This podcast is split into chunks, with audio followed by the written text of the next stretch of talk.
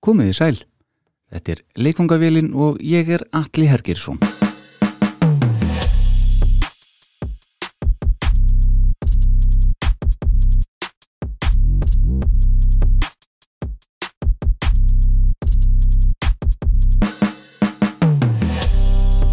Eftir kærkomið og gott frí störtum við nú leikvangavélinni að nýju. Það er komið heilt ár síðan ég fekk til minn viðmælanda hingaði þáttinn síðast og því fannst mér svo sannarlega tími til komin að bjóða velkomin aldelis reynd frábæran gest. Það er Böttvæsir Búdvar hinn tjekkneski sem býður upp á þáttinn sem fyrr. Hann er fættur þann 20. november árið 1993 og er uppalinn í Hafnafyrði. Hann er með betri bassaleikurum landsins og spilar með einni stærstu rocksveit Íslands og hefur gert svo núna í rétt tíu ár. Við erum að tala um hljómsveitina The Vintage Caravan og bassaleikara þeirra Alexander Örn Númarsson. Alexander er afskaplega velgerður og heill náangi sem heldur sér í formi bæði andlega og líkamlega með utanvega hlaupi á milli þess sem að Vintage Caravan túrar um heiminn Hann lifir nú draum margra íslenskra ungmenna en passar þó ávalt vel upp á að sökva ekki ofan í rockstjörnulífernið. Alexander kom í heimsók til mín í leikungavélina og saman áttu við skemmtilegt og fræðandi spjall. Bassaspjall að bestu sort.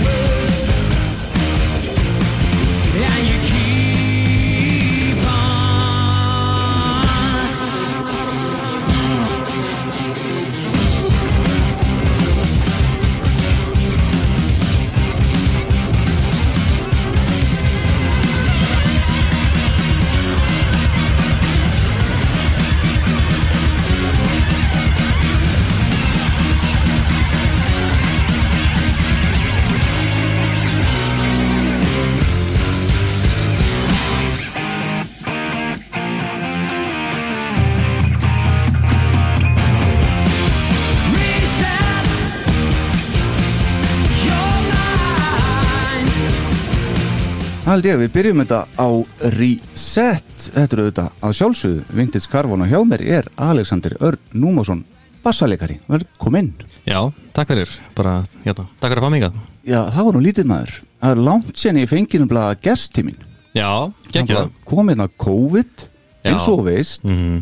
sem var til þess að ég fór að gera bara svona sóluþætti um hitt og þetta sem að gekk vel en svo langaði mig að fá gest og þá datt mér þú í hug. Þú ert hérna á landinu sem er ekki alltaf. Mm Já, bara geggja, geggja hérna, Já, þetta er búið að vera svona fyrirlegt þetta COVID ástand náttúrulega fyrir alla en hérna, já, það er svona já, eins og með það, þú veist, við hefum ekki náttúrulega að fylgja neinu eftir eins og, eins og vorum að tala um aðan og hérna og svona öll, öll viðtölu sem að feri eru bara á Skype og Zoom og eitthvað og er svona Þau eru nokkur nefnilega Þau eru nokkur, já, hérna, og það er svona að fyndi að þetta er, já, svona ekkit oft sem að fer í viðtala á íslensku einmitt, að, hérna, þannig að maður er svona vanari því að vera annarkvært út í heimi eða, eða einmitt á Zoom við eitthvað út í heimi og mm -hmm. það er svona uh, skapast eitthvað einn svona öðru í sér stemning. En ég, ég veit ekki, ég bjó út í marga ár sko, hérna, bæði Danmark og Austuríki og það er svo vannmetið að fá að tala sitt eigi tungumál. Akkurat. Tapar, einhver, tapar kannski 20% um á því að, að, að við erum alltaf að tala ennsku Já, finna orðin. Já, finna orðin, sama hversu góða maður er í tungumálinu þá finnst mér eins og maður svona maður er alltaf aðeins eftir á svona. Einmitt. En, Já, já En svo er þetta líka bara, þú ert svona maðurinn baka tjöldin, bassalegar eru aldrei svona nefnum að setja Les Claypool eða eitthvað sko sem að Getty mm. Lee sem þú heldur nú upp á held ég eða eitthvað sem að er svona í frontinu þú ert svona aðeins, Óskar er fronturinn af bandinu þegar ekki? Já, ég veit nú ekki hvort ég myndi fara svo langt að segja það sko, já því að við erum alveg svona við erum að reyna, eða svona ég, ég hef alltaf verið svolítið aðteglisjúkur sem bassalegari sko, já. og hérna þannig að veist, það er oft veist, oft verið talað um að við séum bara svona svolítið að, veist, að spila af hverjum öðrum með það sko, hérna að því að þú veist, svo er náttúrulega eins og Óskar í bundin við til og með mikrofónin sko oftast Já, já. og þó við sem all, allir byrjar að syngja meira núna hérna, að þá að þá einhvern veginn er maður að nýta all tækifæri til þess að vera, þú veist, aktífur á sviðinu sko Mhm. og hérna, kannski ekki allir bassalegar sem að gera það líka sko Nei, nei, hérna, sumi líður bara vel tilbaka bara og...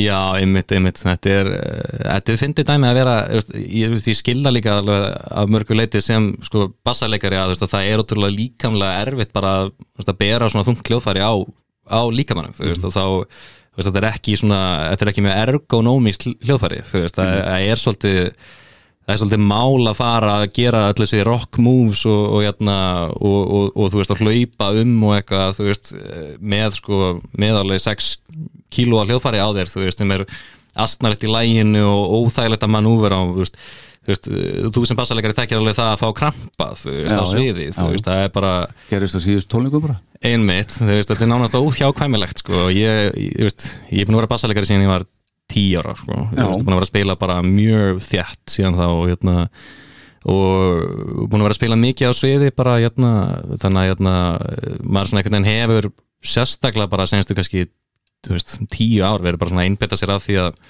að fá ekki þessa krampa á sviði til dæmis þú veist, sem er bara, þú það er bara meira en að segja og ótrúlega fyndið dæmi sko. En þú ert fjörugur á sviðinu?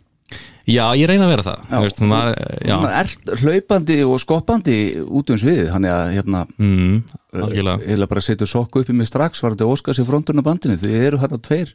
Já, já, það er, uh, veist, það er, uh, veist, við, við hefum alltaf lagt mikið upp úr sviðs presensi, sko, og, hérna, og mér að í, svona öllu því sem ég var að spila í áður en ég var í Karavan, sko, þá var maður alltaf einhvern veginn, veist, í- sko, mitt upprænilega inspiration fyrir það hvað mátti gera á sviði voru bara bönd eins og hérna, ég veit ekki hvort það ekki Dillinger Escape Plan og, og svona Nei.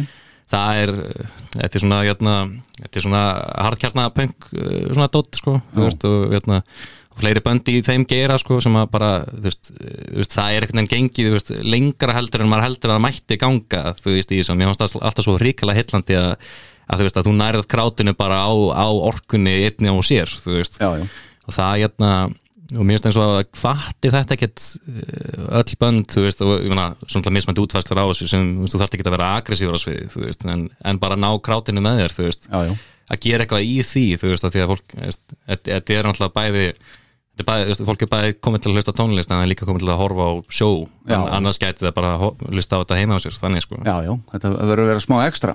Já, ymmit, ymmit Þegar að ég uh, förum aðeins tilbaka og byrjum svona aðeins á byrjun og förum kannski smá tímalínu í þetta. Mm uh, fyrsta sem ég sé um þig á, á, á uh, netinu mm. Alexander Örn. Mm. það er þegar að uh, þú ert uh, jólatristrákur það er rokk í því það. Já, kannski smá rock að, hérna, þú tíu ára að kveikja ljósin á Oslo-trénu og Austuvelli Já, já, já, einmitt. 2003 Já, fyrir framann alveg anskotið mikið af fólki líka hérna. var það fyrsta hérna, sviðsvarkoman Já, mætti kannski segja það. Þetta Já. er svona fyrsta, fyrsta skipti sem að var á stóru sviði fyrir framann mikið af fólki og hérna, það var stressandi, ég man eftir því. Ég man að takkin datt sko. Þetta er svona, það var eitthvað svona ríkala illa útvarir takki bara eins og, eins og veist, bara eitthvað slökkvar í, veist, í jötna, fyrir ljósin í íbúð bara sko. Já og hann var ekkit fastur en neitt sko þannig að ég, veist, greip í hann og svo datt hann bara liðina sko. Og ég ekkert meina svona náði að færa hann aftur upp og kveikja á trénu, þú veist og þetta var, við mikil fagnaðleitu vandalega já, já, algjörlega, algjörlega. Mamma sko, mamma kveikti á þessu tréi sko 20 árum áður já, held ég. stendur einmitt hérna sko. Já, þetta er svolítið fyndið. Þetta er, en þetta er þessi Noregs tenging sko, mamma, eða, amma er norsk sem sagt, já, já, og hérna og hérna, já, þannig að það er gríðarlega sterkur svona, veist, það voru sterk tengsl með normanna félagin á Íslandi og eitthvað svona þannig, sko. Þannig að þú fegst þetta gig bara gennum klígu? Já, algjörlega, 100% en þarna ertu tí ára mm og þú uh, sagðir að þú er byrja að spila, við erum búin að vera bassalegari síðan þú varst tí ára Já. Þú, þú byrjar þarna að spila á bassa eða hvað? Já, allir það ekki, Jú, svona um þetta leiti sko, þá hafði ég hérna, svolítið fyndið að ég, við vorum hvað, við vorum uh, krakkar í fyndaða sjötabæk hérna í, í hérna, sauma, saumatíma í skólanum Já. og hérna og ég var búin að vera alveg að dett inn í sko rock og þungarokk alveg fyrir þetta sko, var hérna stjúpappi minn var hérna hann, hann, hendi með sagt, fyrstu Metallica plötunum og, og, hérna, og svona alls konar dóti svona Pantera og Pearl Jam og Nirvana og, all, og svona alls konar úr plötusafni hans, veist, ég- bara þegar ég var bara frá því að ég var bara sex ára. Já, og hérna og það svona það svona meldist aðeins yfir þessi ár sko og svo þegar ég var tíu ára sko þá var ég einlega að hlusta á bara rock á, á hverjum degi sko. Og hérna ég fekk alltaf einu svo uppljómun. Bara hérna, býtu, ok hljómsveitir eru fólk. Ég er fólk. Og við hérna sem sittum við borðið erum fólk. Þannig að ef við sem fólk getum við þá ekki stopnað hljómsveit og, hérna, og þetta var bara svona major uppljómun sko, það sem að hérna, það sem ég bara svona gaspra allt í nút bara hei býtu langar ykkar að stopna hljómsveit með mér? Hérna, og ég bara eða, og krakkarnir voru bara wow það er bara mjög spennandi hugmynd. Og, hérna, og, og svo einhvern veginn þú veist, það var einn stelpa þannig að við ákveðum að hún er því sönguna þá hún geti ekkert sungið sko, hérna, og, hérna, og eitt strákur var alveg ákveðin í að spila trommur og, og sko, hinn strákurinn átti gítar. En þá er bara hljóðfæri eftir sem þú grípur. Það var nefnilega svolítið þannig sko, og, hérna, og við gerðum svona samninga milli okkar að við ætlum að sapna fyrir hljóðfærim náttúrulega svo var ég náttúrulega svo eini sem að sapnaði fyrir hljóðfæri og var alveg ég, ég get verið svona pínu hérna uh, ég fæði svona þrá ekki fyrir hlutum sko, svona þú veist uh, svona ofta á góðan hátt sko það sem ég get alveg dempt mér í hlutina alveg svona einhver hyperfocus þetta er örugglega einhver, einhver þú veist e- einhver, einhver svona einhverju þú veist aðteklisbrest enginni sko en, hérna, en, en þarna er ég bara með einhvern hyperfocus á þetta bara og hef í raun og veru ekkit sleppt í síðan sko og hérna, þannig að ég tek mér hérna sex mánu og, og nulla saman bara öllu, öllum pening sem ég finn sko, hérna, og enda á því að kaupa mig bara bassa sko, og ég man að ég var meiri segja sko tvístið hvort mér langaði að spila á gítar eða bassa ennþá þá en, hérna, en stjúpappi minn, ég fekk hann til að ruggla svona miðum bak við bak. Og, og svo valdi ég sagt aðra hendina og þá kom bara bassi sko. Það er mikið þessu honum bara að kenna Já, algjörlega. Skástrík þakka.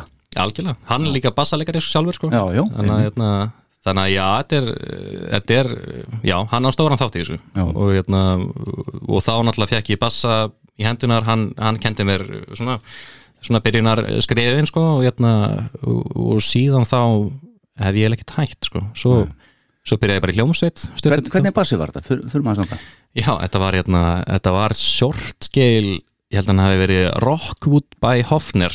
Já, ég átti, fyrsti bassi minn var Rockwood by Honer Nei, já, By Honer, já, já, ég er að tala um Já, hann var akkurat. eldrauður og fallegu minn. Já, það, já Þess, þessi, þessi var hérna, svartur, svartskeil svona pepasakópía sko, hérna, áttan eða þá, Nei, ég þú sér það eftir hún samt Ég sé pínu eftir mér Já, langar svolítið í mál. shortskil bassa núna sko Já. og þetta væri alveg, ég var alveg til að eiga, eiga hann og skella eins og flattvandstrengjum í hann Já, einmitt. En ég veit reyndar alveg hver á hann sko en jötna, ég hef ekki haft samband við manneskjana lengi sko, þannig að kannski tjekka maður á þessu eitthvað tíman sko. Akkurat. Já, hérna. Velgert, en hver, hver er þið trúa því að, svona, tíu árun síðar, þú er tíu ára þarna og cirka tíu ára síðan ertu bara á sviðinu á vakkin ég, Þetta er ótrúlega fyndin þróun sko veist, tíu ári er ekkert langur tími, sko.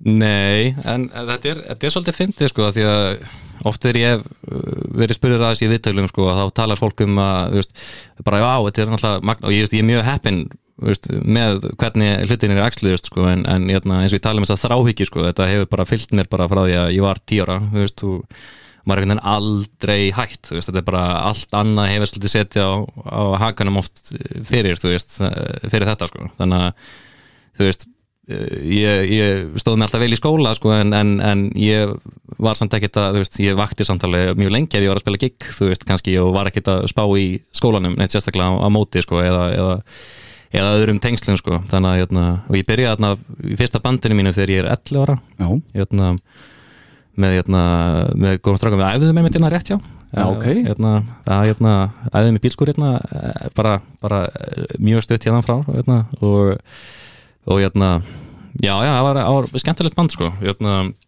an, annars strákur í þessu bandi er, hérna, tónlistamæðurinn Auður, já, hérna en býtu við, varst ekki tekur, þú tekur þátt 2008 í músitilurinu með hljónsitt, ekki satt? Jú. Fenjar, Jú, ak akkurat, ég var í mörgum böndum þarna, var auðun í því eða? Nei, auðvitað var, við tókum saman þátt í músiktilurinnum í hljómsveit sem hétt hérna, Sound of Seclusion.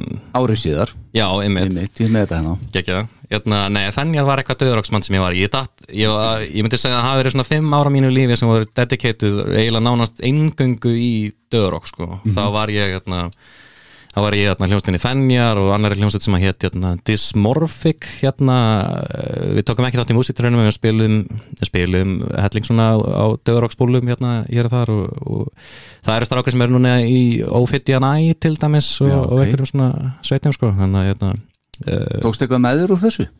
Já, sko ég, veist, eins og margir ungi strákar að þá hefur maður áhuga á því að spila hratt og, og margar nótur og, og, hérna, og ég, það lág mér alltaf mjög vel við að spila hratt og mikið veist, hérna, og sérstaklega þessum yngri árum að þá var maður ekki að sækjast í það, svo fór maður að sjá hvað þetta er ótrúlega flókið og tekníst á þetta döðurokk sko, og ég datt inn með bara svona hóp sem var að gera það og hérna, það var rosa spennandi sko, svo bara þú veist, ég, ég hafði bara svona ákveðin tolerans fyrir þessari tónlist, mér finnst, finnst hún ógislega skemmtilega en ég get bara svo, svo mikið af henni þú veist, og Þú þetta er ekki, setur hann ekki á, á heima í dag eða hvað? ekki mikið, nei, einstaka sinnum en þetta er svona, Hvað setur á?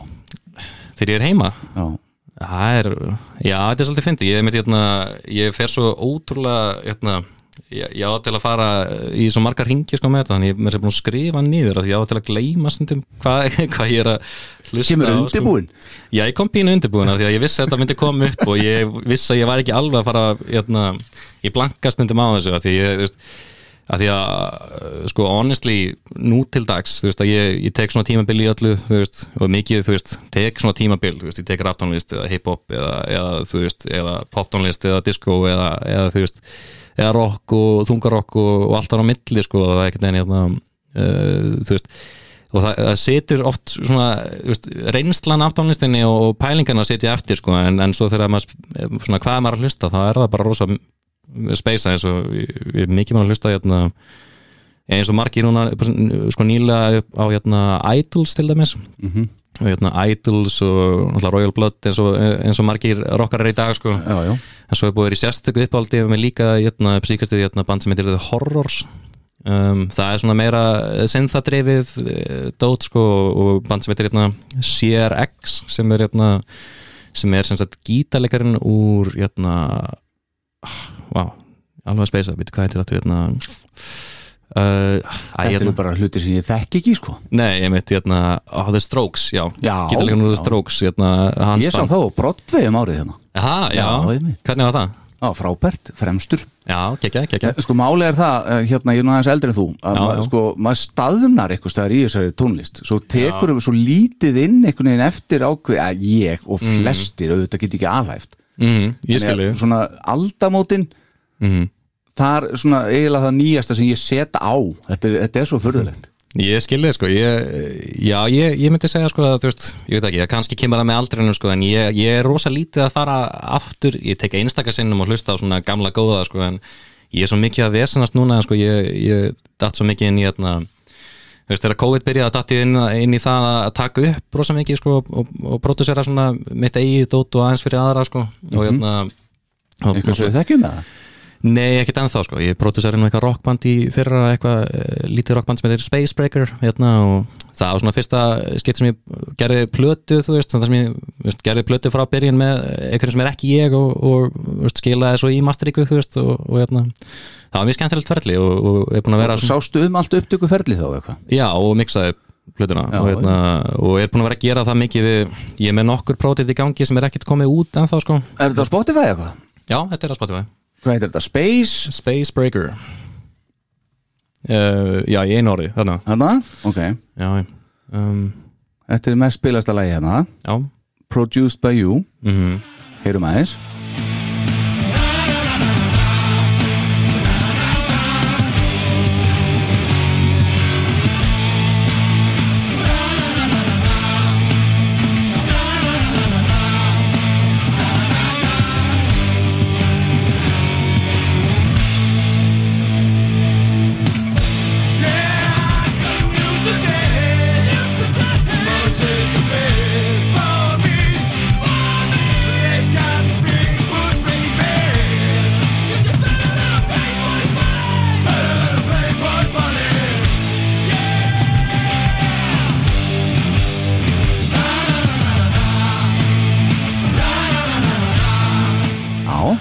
flott. Þeir eru að hlusta kannski eitthvað á Vintage Caravan þessir Já, svona svolítið kannski pælingin að þeir vildu svolítið fá svona eh, sm- smá það sound og pælingar sko, og, hérna, eh, og mér finnst þetta bara gaman. Þetta eru gamlir vini mínir, veist, bara eh, sem ég þekki úr grunnskóla bara, sko, hérna, og Jafnaldrar?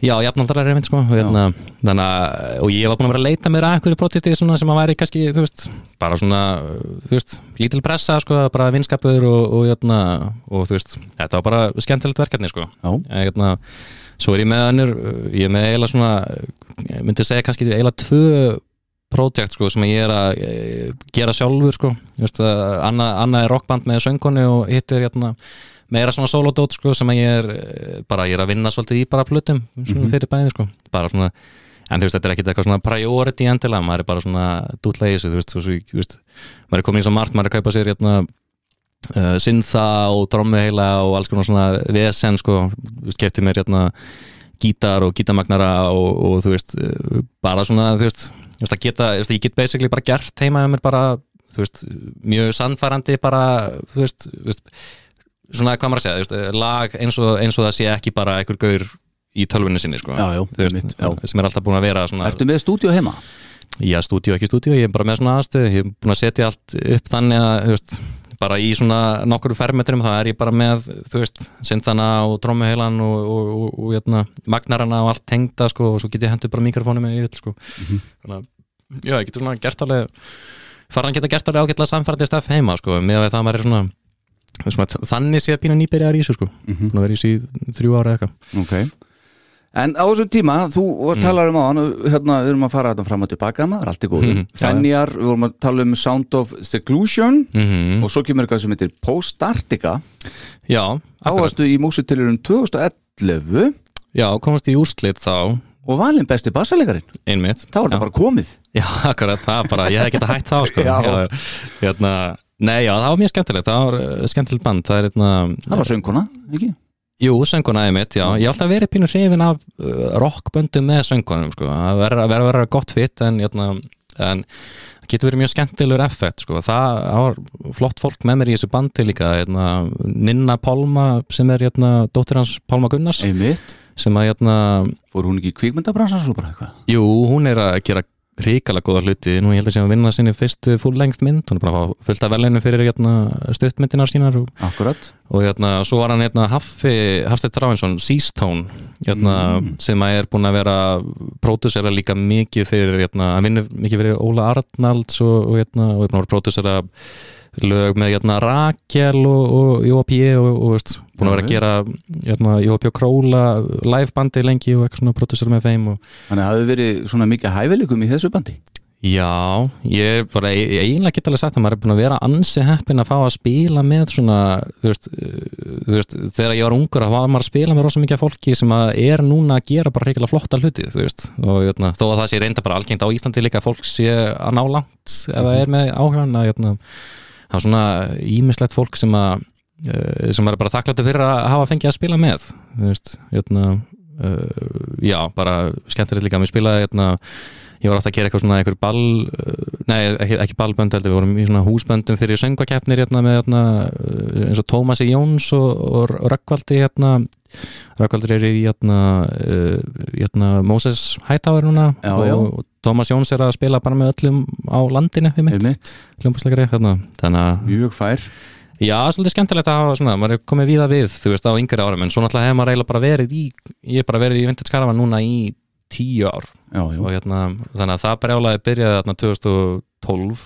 Mhm. og hérna, Hjá þér, en á þessum tíma uh, Mm. bandið er náttúrulega stopna hvað 2006 já, mætti segja það sko, ég og verið, þetta er svona, þetta er svona bílskursband, þú veist, þetta er eins og pínu eins og ef bandi sem að ég var hérna í 11 ára hefðu bara aldrei hætt, þú veist, en mannabreitingar náttúrulega, þú veist, eins og, eins og það verður svona á þessum árum, þú veist, þú veist, þú stopna band með bestu vinninu þú ert í grunnskóla, sko, þú veist, kannski það er ekkit allir sem að meika þegar það verður eitthvað veist, að gera, sko. Nei, nei, en, hérna, en þarna já, þarna voru sem sagt, hérna, Óskar og Guðjón hérna, trómari Mhm. uh, sem sagt, hérna, þeir voru að spila alveg bara heil mikið hérna, árana undan sko. fara á svona 2009 þá voru þeir búin að vera mjög duglegir að, tróða upp bara allstæðar og, og komin svona þokkalega reynsla og mjög gaman að koma inn í það því að þú veist vissur af þeim Já, já, ég vissi aðeins, sko, þeir er að þeir eru beðið um að koma í bandi áður en að uh, Páll Solmundur bassalegari sem var á undan mér hérna, uh, kom, sko, og þá Þú er þriði bassalegarinn ekki? Jú, ég, hérna, þannig að áður en að bassalegarinn nummið tvö, sko, kemur inn að þá, hérna uh, að þá sem sagt ringir Óskar í mig og spyr, hérna, hérna uh, ertu til í að vera í bandinu? Og, hérna, sem heit þá The Vintage. Og, hérna og ég var í, ég held ég að vera í sko fjórum hljómsveitum á þessum tíma og var einhvern veginn að balansera því og maður var í, veist, maður var í skóla og eitthvað svona, þannig að hérna, uh, ég sagði eiginlega bara nei, þú veist, ég var ekki alveg peppið og, og þá átti ég á þeim tíma kannski eftir að klára líka svona þetta þungarokstímbil mitt, sko, ég hafði meira áhuga á því einhvern veginn og fannst svona rokki ekki alveg vera uh, eitthvað sem ég langaði að leggja fyrir mig þá. En svo sko svo hérna skiljast leiðir við Pál Solvind, þarna tveim ára setna þá er minna að gera hjá mér og hérna og ég ekkert bara næstur í að spila og, og þú veist og, og þá ekkert neginn, já ok, þú veist ég skal, já, gegja, ég skal koma að einhver, ég er alveg til í þetta þú veist, og þeir náttúrulega orðin bara svona pínu vinsæli líka sko, Mhm. og hérna og þá, Komið plötur náttúrulega já, búin að gefa þessa grænu plötu þarna fyrstu og Já. hérna og, og þá bara hérna þá mætti ég að æfingu og það var, einhver, það var bara einhver tenging þú veist, það var bara, við byrjuðum að spila saman og, og ég og Óskar sérstaklega sko, uh, við eiginlega getum bara lokað augunum og það er ekkit, það þarf ekkit að vera að kjúa hvern annan eitthvað sérstaklega mikið, við spilum bara náttúrulega rosa mikið bara í kringum hvern annan þú veist, og við séum að spila rosa mikið að nótum á sama tíma sko, þá ekkert nefn bara komplimentara þú veist, sem er ekkert alltaf málið þú veist, að, þú veist, oft, oft með fólk að það maður að jötna, gefa fólki space þú veist, þegar þeir vilja gera eitthvað og þeir þurfa að gefa manni space sem maður ætlar að gera eitthvað sjálfur þú veist, en með mig og Óskar þá getum við bara báðir spila nánast eins mikið og við viljum og það er einhvern veginn fittar bara vel saman. Þannig að það er eitthvað svona yfir náttúrulega tenging þú veist og, maður hefur séð þetta á sviði hjá okkur sko þegar maður horfa þessi vídeo til þess á YouTube frá Vakken mm, mm, þegar að þú ert að fara að gera eitthvað þá stígur hann bara tilbaka því það bara úr sviðsljósinu og þú átt sviðið bara hann á meðan og þetta er svona Mm. eins og segir, gerir svolítið náttúrulegt allt. Já, það hefur aldrei þurft mikið að ræða þetta, veist, þetta bara þetta var bara plug and play pínu, sko, veist, bara, bara frá fyrstu æfingu Já, eiginlega, ég tók tvær æfingar með þeim, svo tókum við gegg og það gegg bara vel og svo spilum við bara stanslaust síðan þá eiginlega bara sko. mm. það er eiginlega bara það var rosa fáar pásur komið fyrir utan alltaf bara COVID núna og við hefum bara já þú veist það var hérna 2012 og tókum við alveg fullt af kikkum hérna heima 2013 spila alveg endalist mikið hérna heima og tökum við bara Voyage-splutuna 2012 mm -hmm. Svo uh, 2000, sko enda 2013 eða svona mitt 2013 og þá erum við búin að sæna við Nuclear Blast mm -hmm. og hérna og sem sagt þá hérna förum við að fá svona alls konar bóðum túra sko. En hvernig kemur það til? Hvernig uh, bara kemst Nuclear Blast í tæri við ykkur? Er þið fættin að spila úti þá og þeir sjá okkur þar eða hvað? Nei, sko, það, það sem að gerist er að við vorum að spila á hérna, eistnaflögi þessi ár, 2012 og 13 og, og svo 14, 15, 16, 17, 18 eða já, bara eitthvað. Hérna, og, og mikið á Airwaves líka og það er, á þessum tíma þá er alveg að grasserast rosa mikið í íslenskri tónlistasenu að, að, að það er rosa mikið að bladamennum á öllum festivalum. Þannig að og, hérna, og við sagt, fáum rosa mikla aðtikli frá metal fretta hérna, batteríun öllu. Og, hérna, og þá sem sagt hérna, þú veist, eh, endar að þannig að, að, að við gerum sagt, publishing samning við hérna, mann sem heitir Gunnar Sáarmann. Og, hérna, og, og, sagt, og hann kemur okkur áfram, sendir þetta og það er, við erum bókaðir á einhver festival. og, hérna, og, og þá byrja svona boltin að rúla sko, veist, og þá kemst njúkli blast í tæri við okkur og, hérna, og já sagt, þá, þá kom allir þessi bóðum túra sko. já, hvort við vorum ekki bókar á festival það var eitthvað áhugum um að bóka okkur á Roadburn annar fyrst sko. við vorum að tala um það sko. sem er rosalega töff festival svona underground svolítið sko. og hérna uh, og svo eru bara sænar á njúkli blast en uh, en, en við erum alltaf að fá okkur svona túrbóð og, hérna, og, sagt, hérna, og við veist, og peningurinn er alltaf bara svo lítill veist, á þessum tíma þegar maður alltaf óþægt band. Þannig að hérna, við allt í henni fáum þess að hauta þetta að flytjum bara út, segjum bara við bókaran okkar við vorum að segja við bókanar skrifstofu líka þá og segjum bara við hann uh, bókaðu bara eins mikið og mögulega getur við verðum bara úti og veist, við verðum bara með sendivara bíl og, og backline og allan, allan pakka. Og bóka okkur bara eins mikið og getur. Og hann, ungur og graður bókar í hérna og hérna, hann slæðir bara til og bókar okkur bara á ykkur ég man ekki hvað það var 8-10 gig eða eitthvað. Og hérna já þannig að við basically á bara innan við mánuði þá bara, bara við fluttir út til Danmarkur og lifa rockið já það var svona svolítið pælingin sko veist, uh, hérna, að því að veist, við, við okkur langaði öllum að gera þetta og, hérna, og mér og Óskari kannski sérstaklega því að Guðjón hættir hérna, árið setna sko. mm -hmm. og hérna en við vorum ekkert tilbúin bara eins og maður hefur alltaf verið sko, leggja bara allt á sig til þess að þetta gangi veist, það er ekkert aldrei spurning sko. ég fó bara þú veist, uh, í sömu vikunni eftir að við ákveðum, eftir að þessi hugmynd komi upp sko, þessi hugmynd kemur upp á miðugudegi á förstu degi held ég að þá eru við jæna, hérna, búinir að finna stað til að búa á sem er þá kjallarinn hjá sýstur Óskars eða ekki? Já, ég meint, hún leiði okkur að vera Já, sem er sko, þetta er alveg svona tveggja eða einbils og við fengum bara neðri hæðina sko. ég okay. trú ekki að þau hafi bara lift okkur að vera í tvö ár og við byggum Voruð þið í tvö ára? Já, við byggum æfingarými í, í eldursaðstöðun okkar niðri og bara vorum þar bara, vorum fyrsta árið bara í nýju mánu hjá henni hérna, og næsta ár bara svona eitthvað, eitthvað svipað og hérna og já, þetta var bara ótrúlegt. Og ég fóð bara ragleis og hætti bara í vinnunni minni, ég var að vinna eitthvað svona, eftir útskrift í mentaskóla vann ég smástund í, hérna, fyrir byggingafyrirtæki, og var vægast sagt ekki mitt þeng sko. Og hérna, og ég fóð bara ragleis og hætti í vinnunni minni og ég hætti með kæristinu minni og bara, ég bara, herri, og saði með mig, herri, ég er að flytja út bara eftir þrjár vikur. Já, bara sjáumst þegar ég er farin, ég veist, ég er að gera hérna, Skildum það? Já, það var alveg skilningur smá, smá tár kannski en, hérna, en, hérna, Skilur það í dag? Já, já, það er líka svona mamma er alltaf hérna Æ, þú veist, hún, hún veist, ég er alltaf eitthvað að stúsast og ég er mjög svona, hefur sjálfstæðar og hún bara, þú veist, uh, hún, hún hefur minnst, minnstar ágjara mér af, af fötnunum, sko, því að hún veit að ég er svona, ég, ég, ég, veist, ég kem alltaf heim, þú veist, ja, veist ég er aldrei, fer mér aldrei að voða. Hún lendir á fótunum?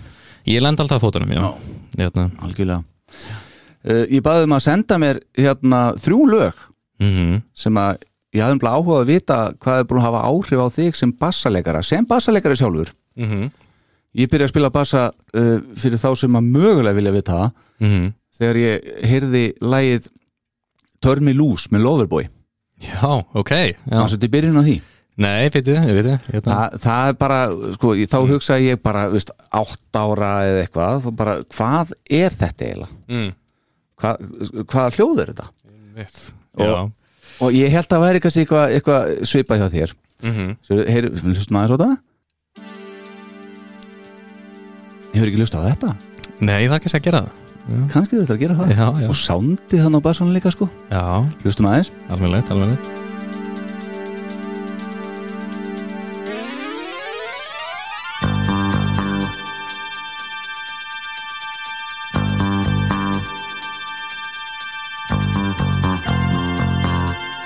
Skilur hvað er að fara. Já, þetta er geggjað. Hvað er þetta? Þetta er magna. Já, þetta er það, þannig að ég hefði áhuga að vita svona, hvað, hvað var til þess ykkur þrjúlög sem hafa voru til þess að þú svona, ja, ja, hefur haft áhrif á þinn bassalik mm -hmm, mm -hmm, og byrjum þetta á fyrsta leginn sem sendir. Mm -hmm, Þetta er Audioslave. Mm Hvað hva, hvað er það í þessu? Sem að Tim Comerford. Já, Tim Comerford sem ég var svo heppin að hitta einu sinni á, á Hellfest í Fraklandi okay. Þetta er bara sko, ég hlustaði svo mikið á the Machine og það var hérna verið fyrsta dótið sem ég lærði að spila sko. hérna, en ég valdi þetta þessa fyrstu átjáðsleiflutu að því að hún sándar bara svo ógæðslega vel og það er svo feitt bassasand og ég veit í byrjun að þessu að það er hana er með svona wah-effekt Ok, það sándar bara svo ógæðslega massíft og ég bara, ég trúði þess ekki þegar ég heyrði það fyrst mér finnst þetta bara svo geggjað stöf sko. og er það að taka mikið frá þessu í, í? Já, klálega, bara sound og spila pælingar sko. Akkurat. Bara, ef það keikar hérna inn núna Heyrum það. Já,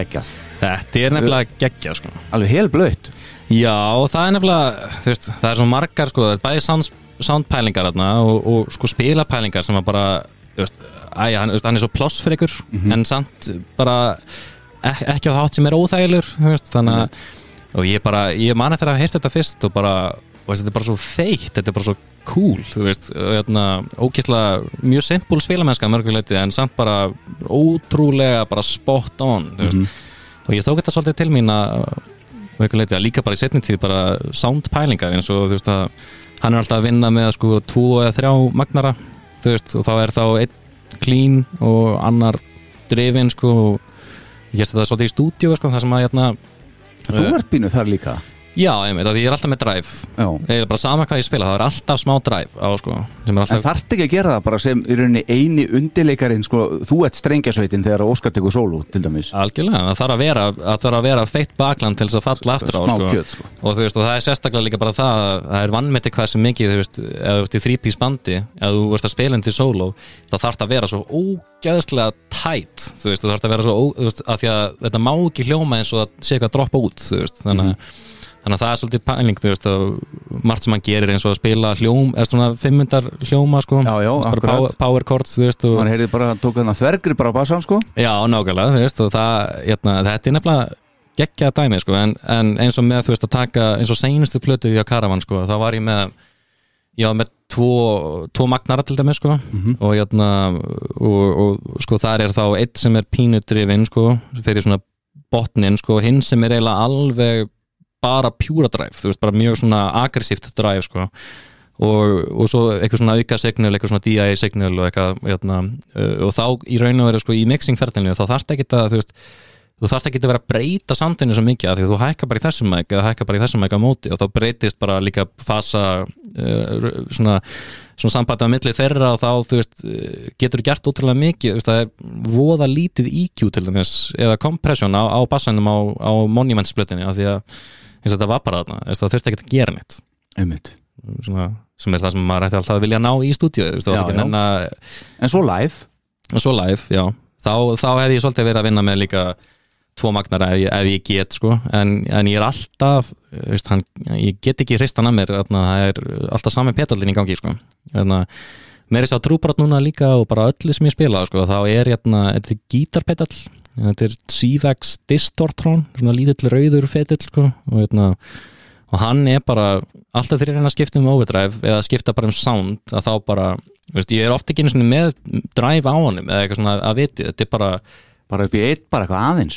Já, bara, veist, bara að kveikja á sér upp á bara er bara, Já. sounda bara svo vel, þetta er, er verið sko eftirlíking af Marshall UTM 45 sko, Já, já, gítarmagnara og ef ég, veist, ef ég hef feitt sounda bassamagnarunum og, og það sem að kemur inn í hann er bara pínu svona tætt, þú veist, það er ekkert brjálaði botn eitthvað, að þá bara eh, veist, það, er eitthvað sem hann, sker gegn svo vel og, og, veist, og henda bara minni spilamennsku, þú veist, það er það er líka bara alltaf gaman, ef ég væri ekki að spila með dræfa var ég alltaf með bara kannski pínu kompressor á eitthvað, þú veist, að því að að því að bara alveg clean bassasand, þú veist, ef maður er að spila mikið og rætt og dýnamíst eitthvað, þá er það bara það er, það er bara meira en að segja að, spila með, með það já, já og- Líka að láta að ganga upp að koma svona hík á milli bara á milli nótna og svona, það er bara eðlilegt. Já, algjörlega, algjörlega sko. að kannski flæði betur svona. Já, einmitt, algjörlega. En ertu með eitthvað tónlistanáma baki? Fórstu í tónlistaskóla? Sko, ég var í tónlistaskóla Hafnarfjörðar í einhver ár, ég get ekki sagt að sko, ég er mjög góður námsmaður í uh, eiginlega öllu nema tónlist. Hérna, að því að ég bara, það skiptir ekki máli. Ég lappa bara inn í tónlistatíma og ég er ég er bara, bara undir eins verði bara ótrúlega þreyttur og, og nenniski sko, þannig að þú veist, ég þetta er svona eins og að læra þú lærir starffræði í grunnskóla eitthvað en þeir eru aldrei sagt fyrir hvað það er. Veist, það er engin praktik í algebrinu eða eitthvað, veist, að það er bara að læra einhverja hljóma og, og læra að lesa nótur og ég hugsa bara ég ekki, ég er ekkert að fara að nota þetta og hef eiginlega ekki svo all mín tónlistar hérna, tónfæraði kunna það er mjög praktísk bara sko, þú veist eftir ég bara hvað, hérna, hvað fittar þú veist, hvað er í sinni sko veist, ég, ég kann alveg tónfæraði, þú veist en lestu nótur? Nei, ég les ekki vel ég, les, ég get alveg lesið nótur en, en, en, en við, við erum að tala um sko, ég les á, á skjaldbyggur hraða sko, snílst hraða sko, hérna. um, en þú veist en svo veit maður ímislegt bara út á praktík einmitt. en ég fór í hérna, fór í FIH í þrjá tíma, borgaði heilt ári í skólagjöldum, 120 skall eitthvað og mætti svo bara í þrjá, þrjá tíma sko Hver kendi er þar? það var hérna Gunnar Raps hann er hérna, náttúrulega svaka bassalegari, hann var bara svo það var svo mikil kennari sko. og, hérna, og hann var alltaf að setja mér fyrir svo erfi verkefni og svo hafði ég ekkert aldrei tíma ég var að spila fullu og vinna einhverja vinni og, þarna, og ég bara veist, kom alltaf svona pínu óundi búin og hann let mér bara heyra það sko, sem ég bara, og, bara með réttu sko.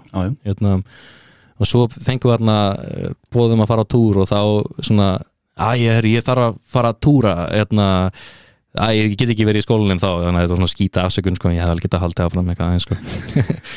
en hérna En einnig hafnafyrir, hver kendi þar? Jón Rapsson, Ert að djóka? já, hann kendi mér alveg heil lengi sko, og hérna, Lærður eitthvað í honum?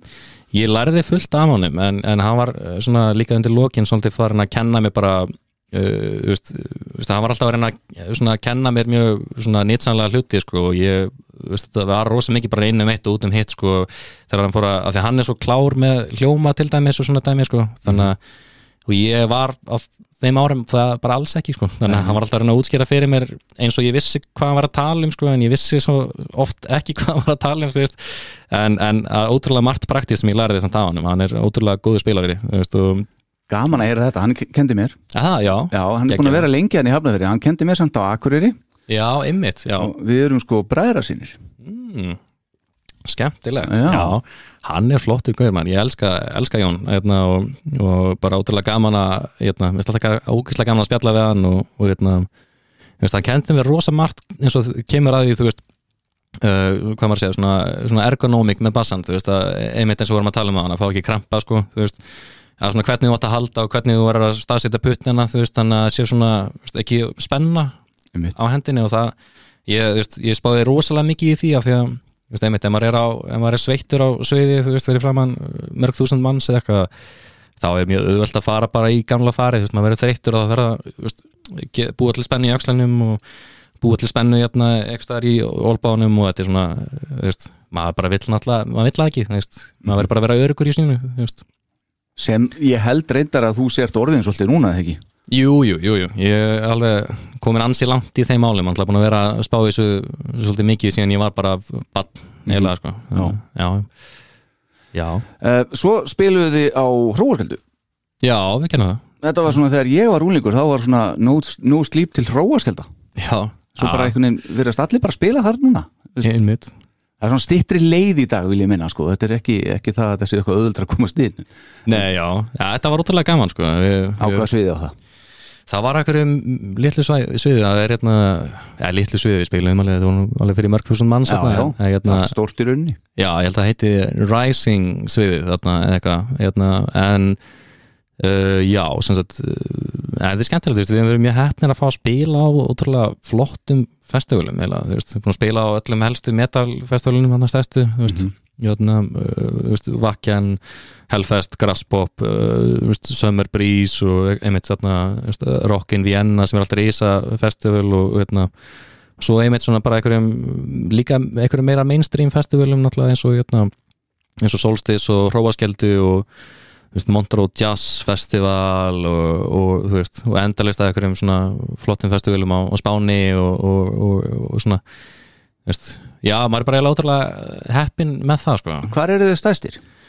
uh, sko, það er eiginlega alltaf Þískaland uh, ok, fyrir til ég hvað erum að hugsa sko, við túrum eiginlega mest í Þískalandi en við draugum eiginlega mest af fólki í Suður Ameríku það er hérna, ok. við vorum þar 2016 síðast hérna og tókum hérna þryggja, já, þryggja fjögra vikna túr þar. Og hérna, já, sem var bara svaka upplifun þú veist, við tókum hérna, já, einhver, einhverja sjö tónleika í Brasili og tvo í Argentínu. Og vegalengdina er eins og stóra og þú þarfst að fljúa allstaðar á milli allra gigga. Og þú veist, þeir spila svo seint bara, þannig að þú við vorum átt að klára gig klukkan þrjú um nótt og, og svo mæta bara bara að fljúa klukkan sex til þess að ná næsta gig, sko. En hérna, Utekja á það gerir það, sko. En hérna, en þar eru alveg að draga, veist, að já, alveg bara, ég vil tvöfalt oft það sem við erum að draga í Európu fyndið. Plötusalun eftir því þar eða hvað? Já, sko, svo kemur það, veist, að það er fólk er duglegur að mæta gig en, en, en fjárhæðurinn er, er ekki jafn mikill, sko, veist, þannig að eins og við spilum í Þísklandi, að þá kannski uh, þá erum við að selja ótrúlega mikið af varningi líka, en það er kannski alveg málið í uh, Söður-Ameríku Ok. Þannig að, En veistu, hvað er það að selja þá? Þið Gerið vantilega vínil, gerið þið sétið þá? já, já, við gerum alveg Og svo er þetta bólir og alls konar mörds Já, við erum með alls konar dótum hér það er hérna bólir, eða svona CD, vínil, uh, patsar bólir og, og hérna margar típar af bólum yfirleitt og svo svona tote bags og veist, veist, eh, við, veist, maður er í alls konar pælingum, þetta er eiginlega bara þetta er náttúrulega bara ótrúlega veist, viðskipta rekstur að, að reka svona band, þú veist, sem er að gera gera svona mikið eins og við sko. Og hérna Gerið það sjálfur, rekið þetta sjálfur eða? Sko ég er búin að vera að reka fyrirtæki hérna bakvið hljónstuna uh, svo erum við manager líka sko sem að sér eiginlega um mála þannig uh, hérna, þannig ég er eiginlega svona hans buffer fyrir, eða svona milli maður fyrir hljónstuna sko. Uh, og þetta er alveg þetta getur átt verið bara nánast full vinna sko að gera þetta, ef við erum að spila mikið að þá, þú veist, þá kemur heim og svo er maður bara e-mail þú veist, vinnu bara í latan daginn að borga reikninga og bara græja hitt á þetta sko. Hérna, þannig að það er bara þú veist, maður har lært mikið að því. Mhm. að, hérna, þó að þú veist, það er ekkit glamúr í öllu sem að við kemur því að vera í hljómsett Nei, ég er það ekki en, hérna, en drölluðu skemmtilegt samt. Maður, og maður getur nýtt vonandi þá þekkingu bara í eitthvað annað sko, þegar að, þú veist, eh, kannski ef maður er að fara að gera eitthvað annað eitthvað tíman sko. Eða það er ekki hægt í hljómsdýinu heldur bara, veitna, bara eitthvað tíman væri gaman að kannski að, að, að nýta þá þekkingu í að manna eitthvað, eitthvað annað eða bara gera eitthvað, Mhm. það er stengt sko. Þetta er nú samt ekki svo ykkur fótboltaspilarar sko, menna er lengri hér. Já, algjörlega, algjörlega. Menn er ekkert að leiðin að hætta hérna. Nei, nákvæmlega. Ég, Sko, maður sjá, nú er með að setja eitt á Að því að mér finnst, ég held svolítið mikið upp á þetta. Uh -huh. að setja á skjáin hér þér hérna. Já, Já, þetta er fyrsta vakken sjóðu okkar. Yes, þetta er 2014 Já, já. Og, og þetta er bara það var þarna sem ég horfði á þetta bara Mm. þetta var nokkuð nýtt og þá sá ég að þér og Mhm. ykkur, ja, þér sérstaklega ég sem basalikar horfði á þetta þannig þetta mm -hmm. væri alvara með þetta. Já, Þetta er óbúðslega flott framkoma sem er í gangi þarna. Já, takk fyrir. Það var úkislega gaman með þér hérna, það er líka skemmtilegt að segja frá hérna, þarna var mótorhætt að spila held ég á sama tíma. Já. og við vorum samt, það var veist, það var svona svo hálffullt fyrst þegar við byrjum og svo var alveg bara pakkfullt í endan sko, sem er sem að, að, geta ekki all bönd svona, að fá ekki all bönd það mikla aðteklið þegar þeir eru að spila á svona festivalum og það er mótorhætt á næsta sviði sko, einmitt, það voru þeirra sama tíma? Á sama tíma, já. Já, hittur lemmi það? Nei, því miður, því miður. En við hittum reyndar hérna eftir þetta sjó, þegar við vorum eitthvað hauga fyllir í það, þá hittum við hérna Vinnie Paul. Já, og hérna, hann þeirra, Já, ég, Pantera er eitt af mínum uppáhaldsböndum sko. sama hér. Já, kekja hérna, Já, hittum Vinnie Paul og, og, og eitthvað, eitthvað fleira lið þetta Já, blessu sem minning hans. Já, við mitt Herðu, hvað er skeggið og allt þetta? Já, Það ertu fúl skeggjaður og meira Já. hár og já, ég Þetta er í raun og verið byrjunin á, á jæna, svolítið löngu ferli sem að var að ég sapnaði hári alveg, veist, sko, hári mitt vex ógesla hægt, þannig að á þremur árum komst ég niður að já. Hérna, og- eftir þetta eftir þetta sko. Já, ok. og, jæna, og svo satna ég alveg gríðastóru skeggi og jæna, svo fóð mér bara alltaf að vera svo heitt á haustnum sko. ég er ógeðslega er er þykkt og mikið skegg og hár sko, jæna, og verður bara algjörlega unmanageable veist, að maður lifir í hljómsættar úti maður alltaf að vakna og hárið er bara veist, hárið er til vinstri og skeggið er til hægri Já. og það gerist ekkit þang til að færi sturtu ég fór bara að vera svo ógeðslega þreytur á þessu og, og leit þú veist, og svona ef maður, maður var góður sko, ef maður, maður, maður, snirti sig vel þá var það allt í lægi en, en margar dagar þá vakna ég og leiti bara út þessu róni sko. engin, engin styrta í rútunni Nei, það er ekki styrta maður þarf að komast inn á tónleikastæðan til þess að fara í styrtu sko, og oft eru það ekki upp á marga fiska Nei, nei. hérna, þetta er Þetta er Expand Your Mind, um hvað er það? Já, þetta er sko, þetta er eitthvað sem Óskar samtið hérna, áður en ég kom í bandi og það er hérna, uh, sko, fólk vill halda þetta sé svona náttúrulega eitthvað svona óður til þess að trippa sko, en, Einmitt. en þetta í raunöður held ég að sagan bak þetta sé að það var eitthvað svona e- eitthvað svona dúfus sem var komið upp að hann og var að- að segja hann að hann þyrfti að vika hugan og var að bjóða hann að trippa með sér sko, og Óskar er alltaf verið svona svolítið mikið anti-drug sko Já, sem að kannski kemur mörgum á óvart með tónlistarstefnina sko, hérna, þannig að þannig til raun og verið svona hann að, að, að endurskapa það samtal sko, hérna, frá sjónarhóttni held ég þess sem að var að, að garga á hana hann að hérna, fara að trippa eitthvað sko. ok. Heyrum aðeins Vakken 2014, þetta er algjörsnild. Ég hveti alla til þess að fara á YouTube og, og skoða þessa live performance auðtöku song, you gotta fucking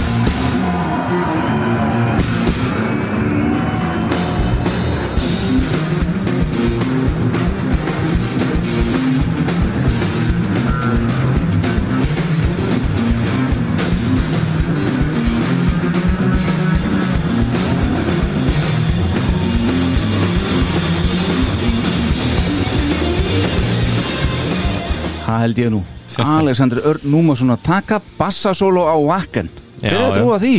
Einmitt, það, já, maður er ekki alveg geta ímynda sér að na, svona ungur, hérna, t- tíu ára gamall eða eitthvað sko. Já, ég trúi því í dag en, ég, en ég er að spá í einmitt þetta þegar þú varst 10 ára Já, nei, þetta er, maður er ótrúlega heppinn, þú veist hvað, hvað, hvert þetta hefur leitt sko. Mhm.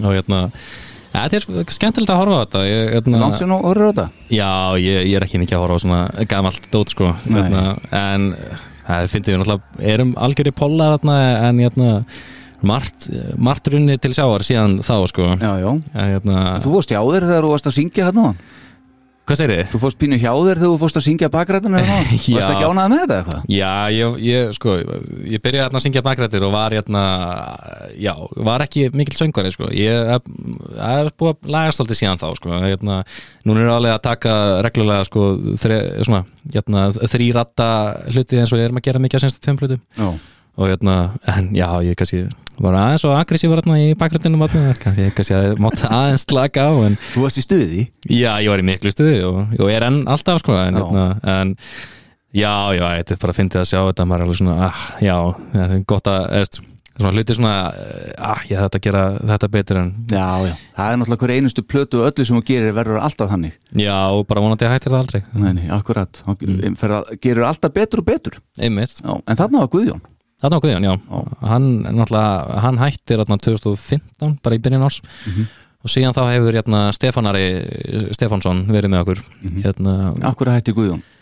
Þetta var bara þú veist, veist hans svona, hvað maður að segja, forgangsröðin í lífinu lá bara annars þar, mm -hmm. og hann var ekki til í þetta þetta, þetta, þetta, að- þetta líf getur verið ótrúlega mikið svona, þú hefur ekkit mikið fjárhagslegt öryggi eða þú veist, ekki endilega hvernig vikaðin eða mánuðurinn eða árið er að fara að líta út sko, og, og þú veist, hann langaði bara að fara í háskóla og menta sig og bara gera eitthvað annað sko. Gerða það? Já, já, hann er, er toppmaður sko, hann er fór í sjávarútisfræði í HA held ég og, og hérna, vinnur núna fyrir hérna, fyrir uh, fyrirtæki sem heitir hérna, Controlant held ég og bara Og þau eru í samskiptum við hann eða sambandi og góðu vinnir Já, já, við hittum, hittum bara síðast núna á lögutin bara, er, já, já, mikil, mikil vinskapur sko, en hérna Skynir enga eftir sjá í honum það?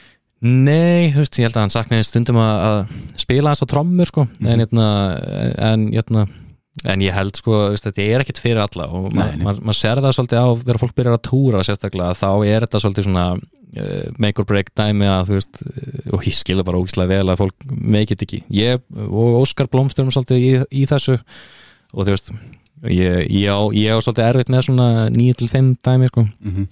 og hérna svo við hefum alltaf svo mikið passion fyrir þessu þú veist að það er að þú veist, okkur finnst ótrúlega gaman að túra sko en þetta er náttúrulega, þetta gerir það samt erfitt að í eitthvað eðlilegt líf Ég veist, þetta er, hérna, ef maður er að túra allt árið, þú veist að þá er, það er svolítið erfitt að, að veist, ef maður á maka til þeim sem skilur þetta ekki eitthvað svona, veist að- sem að er alltaf, þú veist, að er alltaf einhver leiði þegar maður fer, veist að þá er þetta svona erfitt að halda einhverjum almennum samböndum í gangi, sko.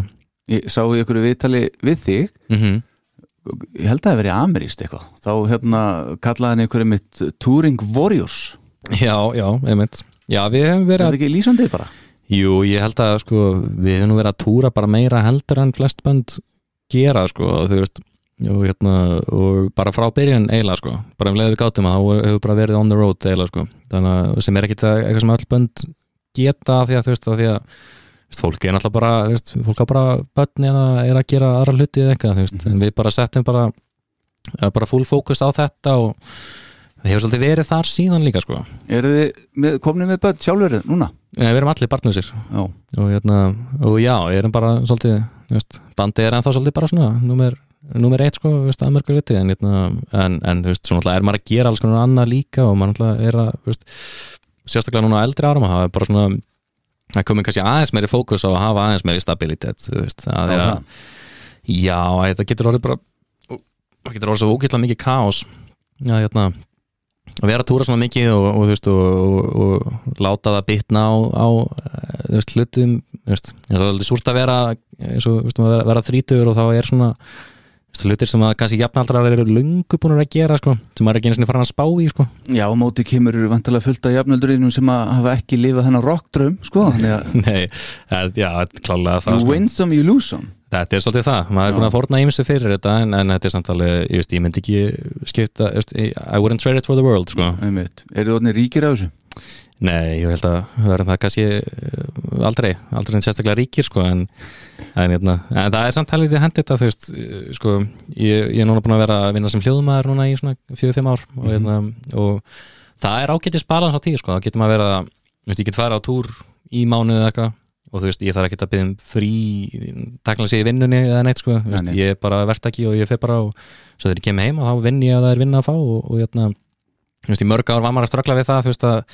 var það, kannski kom stundum inn mikill peningur frá bandinu stundum ekki það mikill og svo var maður heima að reyna eitthvað sem í eðlilegt fjölskyldu lífi eitthvað og hérna, en alltaf bara engin innkoma sko, það var að finna eitthvað og þá náttúrulega, þú veist, að þetta er bara basl veist, með það að gera en, en hérna, þannig að maður finnur eitthvað system sem að þetta gengur upp svona, hérna, að maður vil náttúrulega ekkert hætta þessu veist, og hérna, já, ég bara Er þá til eitthvað sem heitir bara Vintage Caravan EHF sem heldur utan um þetta og... TFC, EHF Já, já, ok. já, og hérna, já, já, við rekum okkur bara sem, sem fyrirtæki bara Já.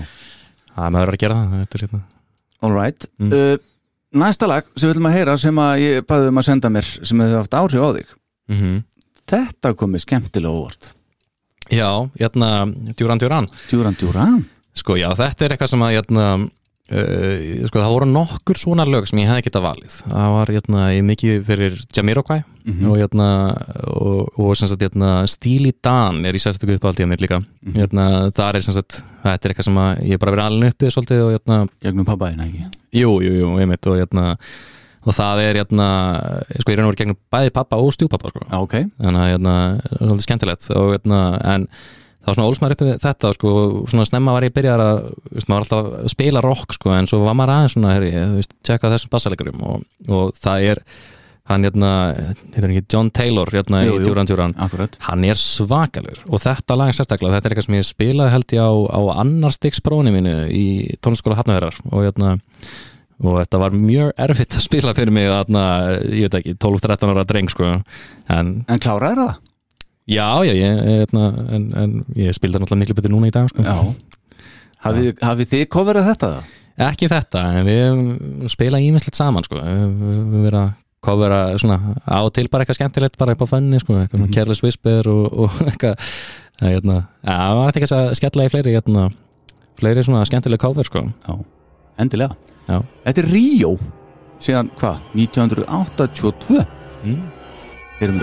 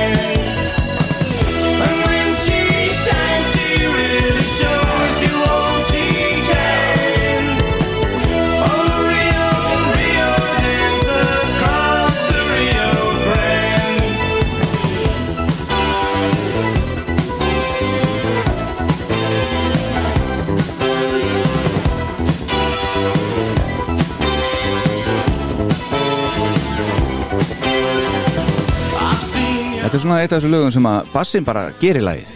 Já, þetta er bara algjörlega driði áfram að bassarleikurinn og, og, og trómuleikurinn líka Já. Þú veist, þeir eru, það er eitthvað samspilatna sem er bara þú veist, þeir eru svona skoppa svolítið svona af hverjum öðrum eitthvað Já. ótrúlegt sko Þú Mikið veist, grúfi í þessu einhvern veginn svona, Já. einhvern veginn á bakvið tjöldin einhvern veginn. Þetta er, Já, en, en algjörlega. þú talar um áðan að talandi um þetta Já, Þú sagðir áðan að þú og Óskar væri svo þurfti ekki svona að horfa á hvern annan væri bara eins og einn maðurinn á sviðinu algjörlega en nú er það einmitt svo mikilvægt milli trommuleikara og bassalegara þessi grunnur. Mm. hvernig hefur það gengið þá með bæði Guðjón og svo Stefán?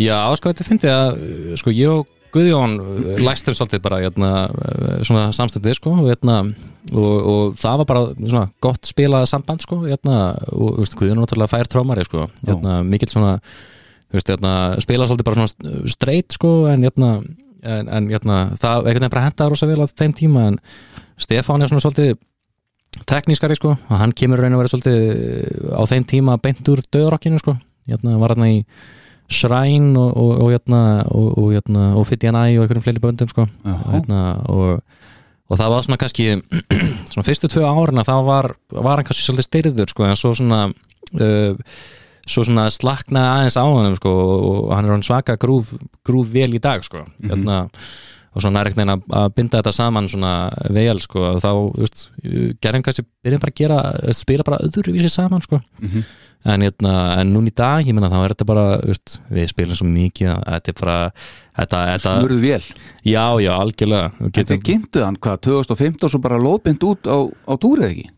Já, þetta var, þetta var súr, súr hérna, þetta var súr tímabil sko, af því að við vorum alltaf hérna Uh, já, hann hættir hérna Guðjón sko og, hérna, og, og við erum búinir að bóka að með minni sko 50 gig eða eitthvað. Sem átti bara að byrja beint í, í, hérna, í mæ eða april eða eitthvað. Áður en hann hættir í rauninni.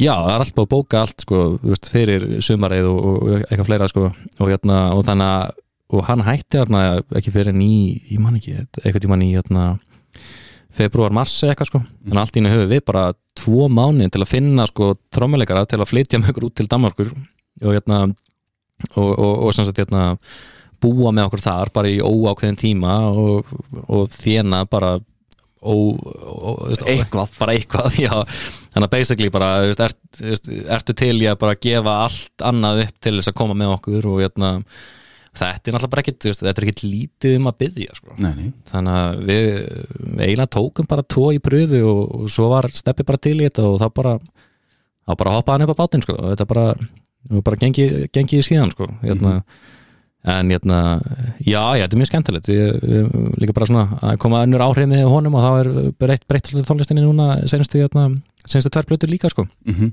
þannig að Það er orðnar mjög þroskaðar svona þessar tvær síðustu blöður sko. Já, takk, takk fyrir það. Hérna, Já, já, við tókum hérna Hinnar eru mjög góða sko, ég er ekki að segja það bara þetta er orðið komið upp á svona annan level veginn.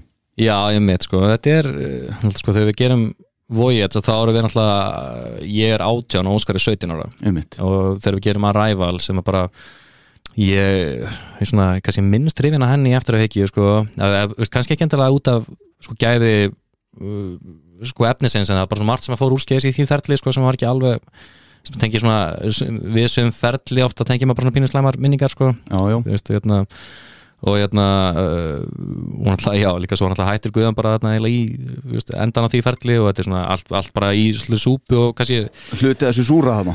Já, þetta var allt, þetta var allt svolítið súrt þarna um það tímabil og, og hérna og, og bara svona bara, það var bara drullu erfitt sko. Hérna, uh, og kannski uh, svona fekk platan svolítið að, að uh, kenna á því sko, þú veist, uh, hérna en, en en svo hérna eftir það þá tókum við okkur til og svona ok, bara eru við vorum svo að reyna að experimenta svo mikið með þarna ræval, veist, bæði samtlega séð og bara svona með lagas með hvað við vildum gera og, og alls konar drasl og sumt hefnaðast vel, sumt hefnaðast ekki eins vel og, og þá, veist, fyrir næstu plötu þá voru meira bara svona, ok, meiri fókus bara, þú veist, fengum að það til okkar hérna, uh, pródusser frá Breitlandi sem að gera alls konar flotta hluti, hann að vera að vinna mikið, hérna, vinnur, vinnur mikið fyrir, eins og Radiohead og Supergrass og búin að gera hérna alls Það er þessi Davenport ekki, nei hvað heitir hann? Jú, Ian Davenport Já, einmitt. og, hérna, og hann hérna uh, já, hann er búin að gera alls svona töff svona rockplötur líka hérna, fyrir svona minnibönd eins og Band of Skulls til dæmis og, hérna,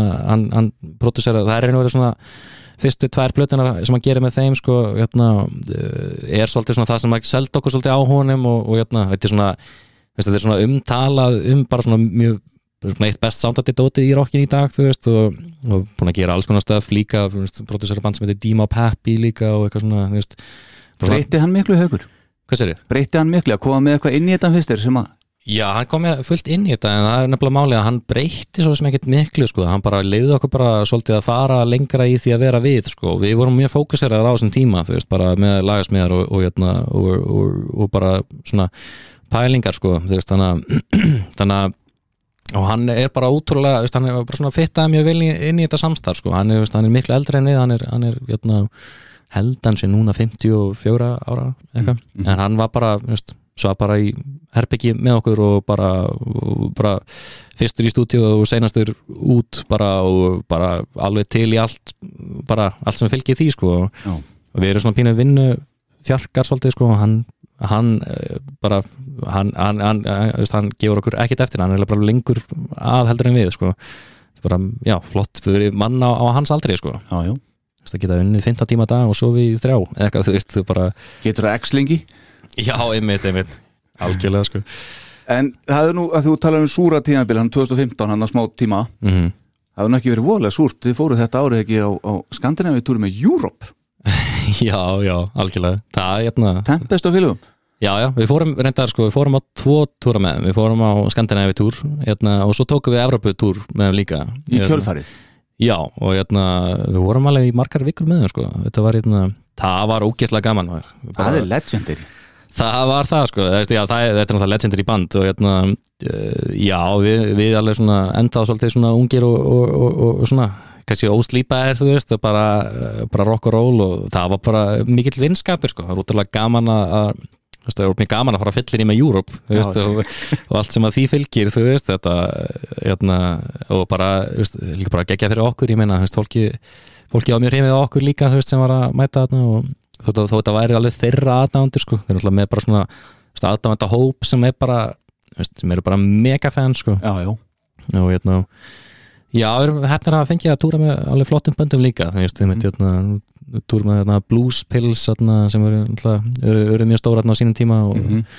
svo hérna, Opeth náttúrulega núna nýlega senstu ár, sko Aha. og hérna, er líka bara, er þetta bara allt mjög næst fólk, sko Passi alveg með svona mörgum böndum rauninni af því að þið eru ekki ykkur hardcore metal eða mm þetta er svona ykkur jú, svona psychedelic stoner ykkur Black Sabbath stemming hérna sem að, Mhm. þannig að þið passi mjög með mörgum, myndi ég segja Já, það er nefnilega svolítið alltaf verið skemmtilegt með okkur og líka bara við tölum um bara svona þú veist, sjóið sjálft sko, að sjóið höfðar til margara sko, fólk sem að hlustar ekki einu svona rock þú veist, það er svona alltaf þegar að spila þú veist, þegar maður er að túra og, og, bara spila almennt þú veist, spila svona eins mikið við að þá spila maður bara alls konar veist, í alls konar aðstæðum, þú veist, þú veist að spila fyrir bara rockara eða bara, þú veist, svo spila okkur metalfestivali svo ertu bara bókar á eitthvað, þú veist, bara eitthvað fjölskyldu bara bæjarfestival í Þísklandi Já. sem að vilja bara eitthvað rockband, þú veist, eitthvað Já, já, og þú veist, og þá er þetta að spila bara fyrir fólk sem að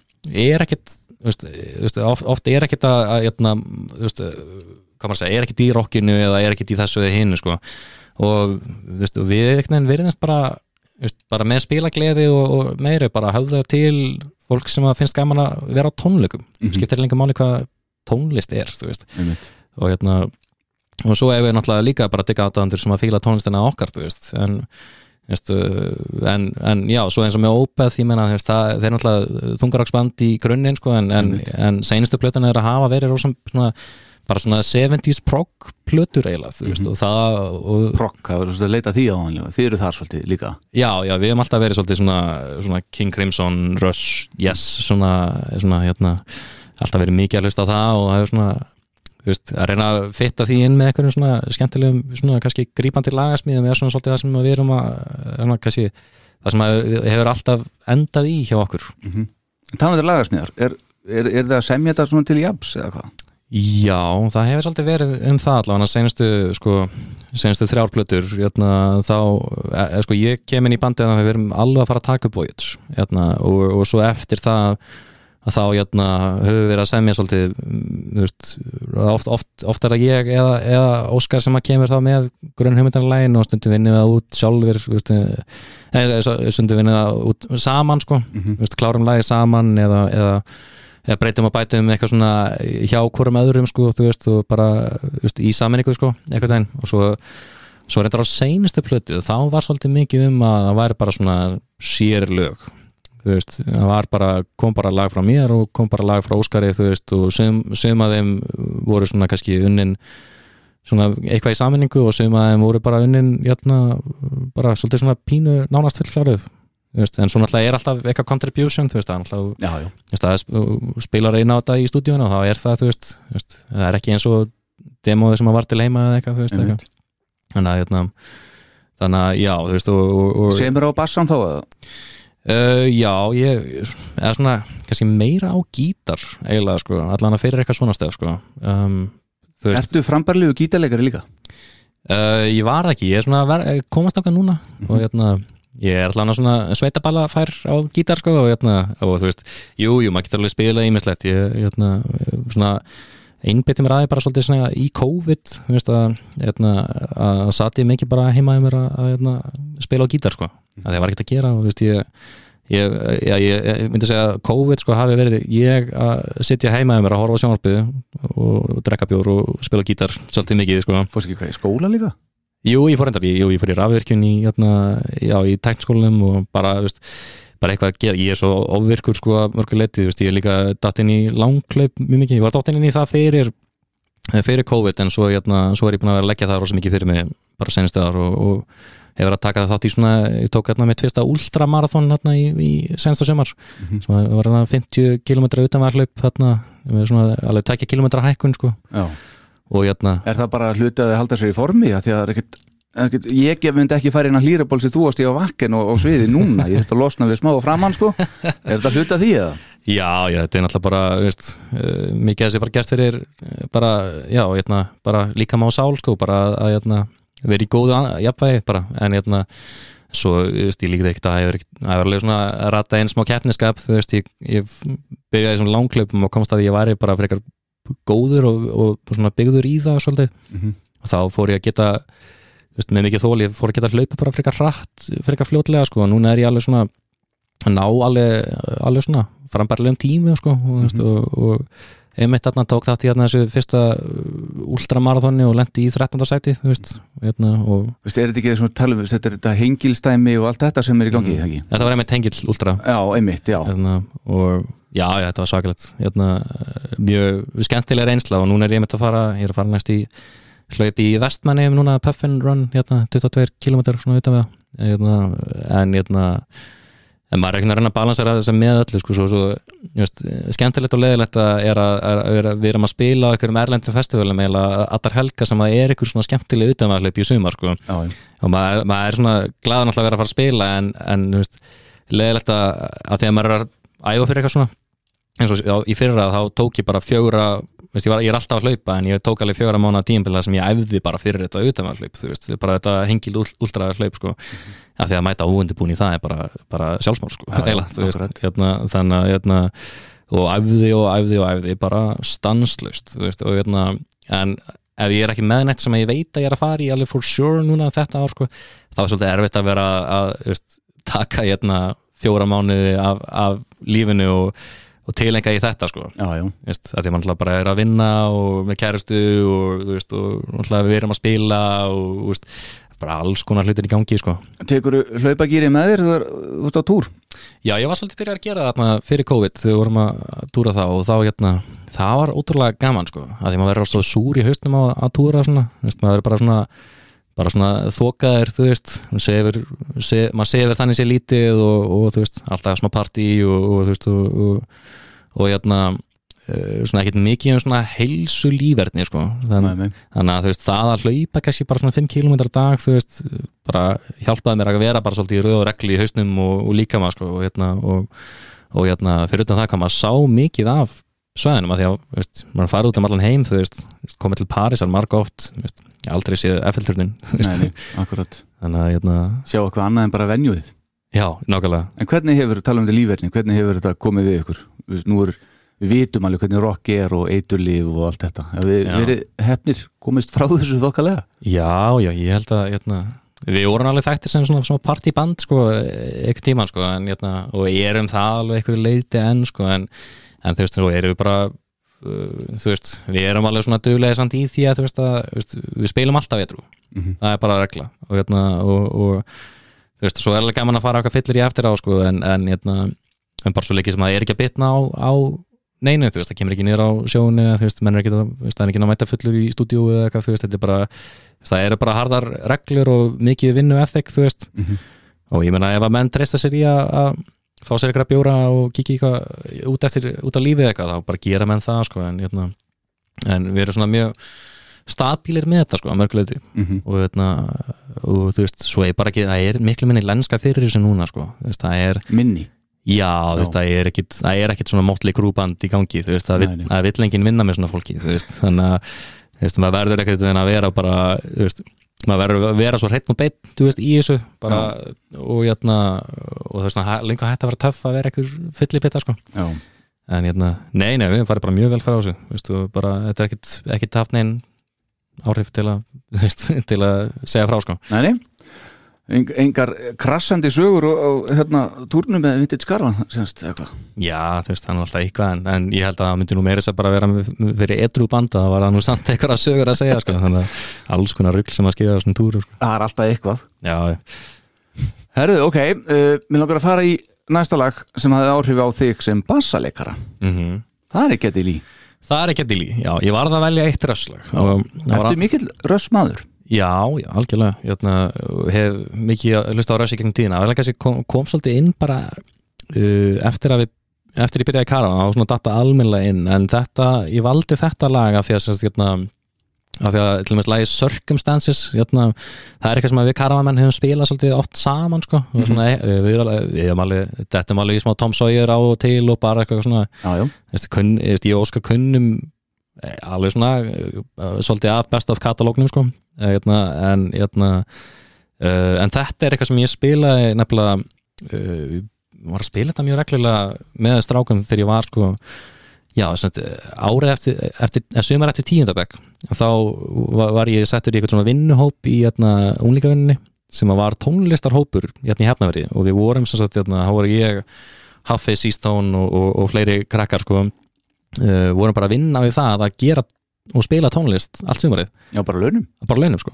Og, hérna, og við sagt, formum þá eitthvað svona samspil veist, innan þess og svo vorum við bara að spila fyrir ferðamenn og eitthvað svona þú veist, úti. Spila kannski bara svona þrjus að fjóra sem í viku eitthvað og bara og mæta bara nýja á mótnuna og spila tónlist þú veist. þá vorum við alltaf að henda í YYZ Já, uh, að því að við vorum svona einu strákunir í þessu svona dótið sem að gátu spilað og þetta er bara svipa gamalt og dúran dúranleið Þetta er 81 einmitt, geggjastef Hva, hvað sér, fyrir hvað sendur þetta? Þetta er held ég bara hérna, uh, þetta er bara hérna, stafirnir, þetta er flugullurinn í Toronto. Já, það er Já, já, heyrum þetta. Já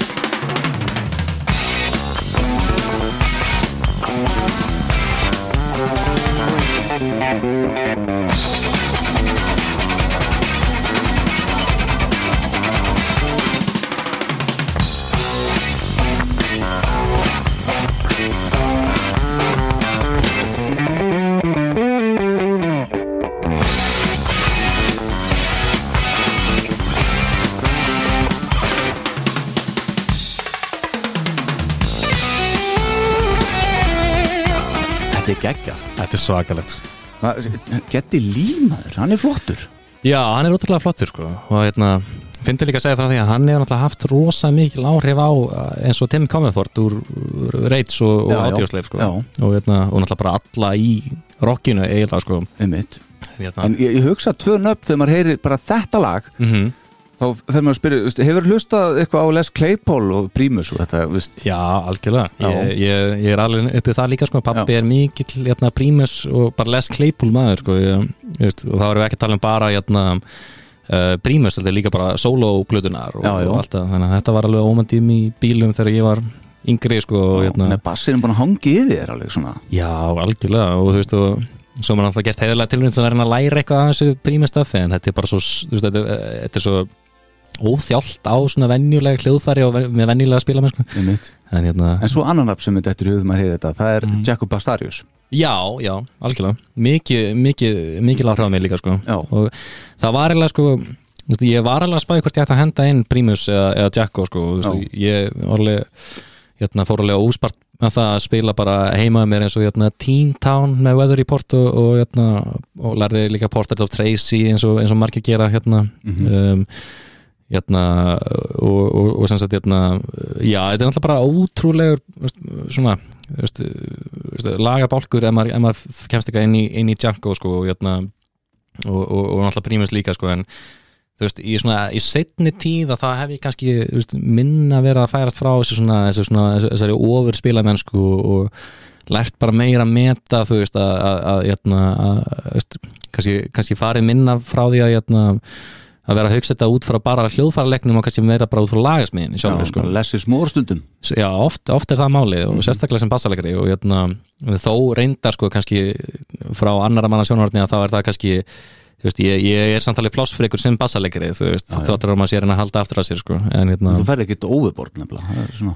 er neða, það, ég finnst það svolítið mikilvægt veist, að, að, hérna, að leifa þess að sjæna þegar það er veist, á við sko, að, hérna, að því að ef maður ofspilar að bassan sko, í, á stöðin það sem á ekki vel við þá veist, stendur alltaf út úr sko.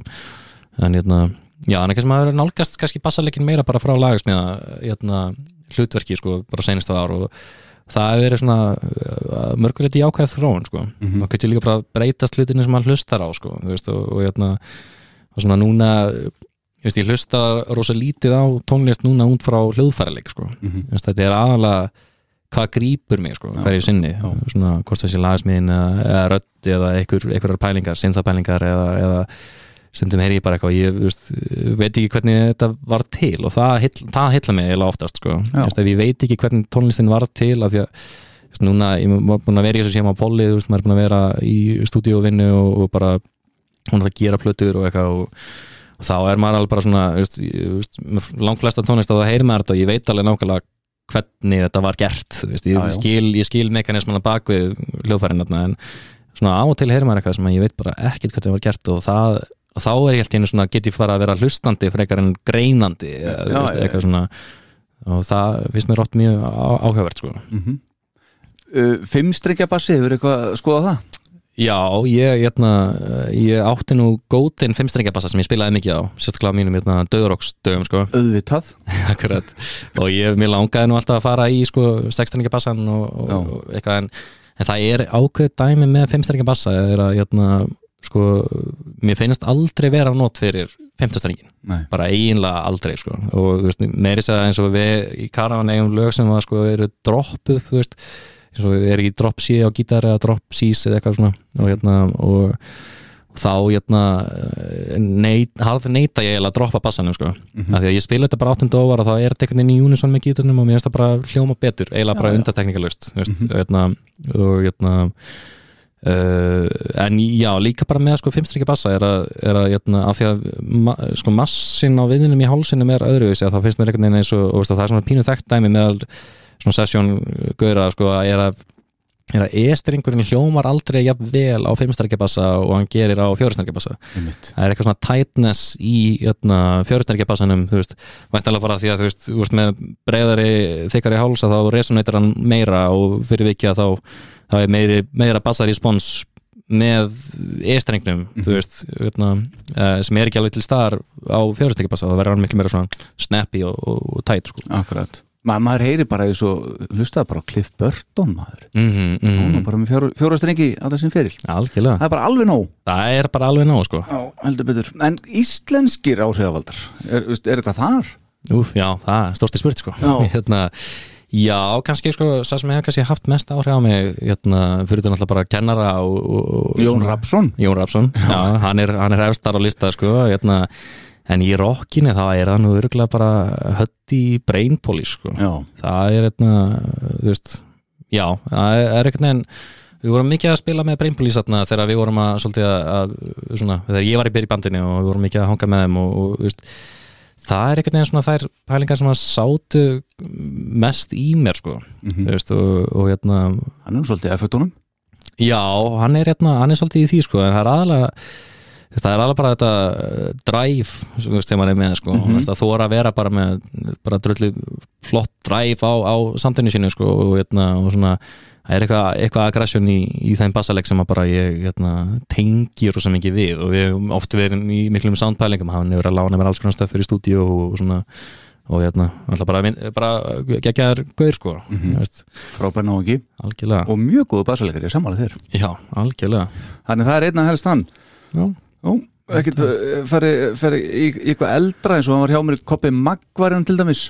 Já, já, jú, sko ég, það er svona dót sem ég, sko ég, ég verða því ekki ég er ekki nógu vel up to date með íslenska tónlist og það við hefur bara, það var rosa lítið að spila á mínu heimili þannig Eða sko, þá að ég er ekki nógu mikið up to date sko. Þú ert að tala um nýra stöff en ég.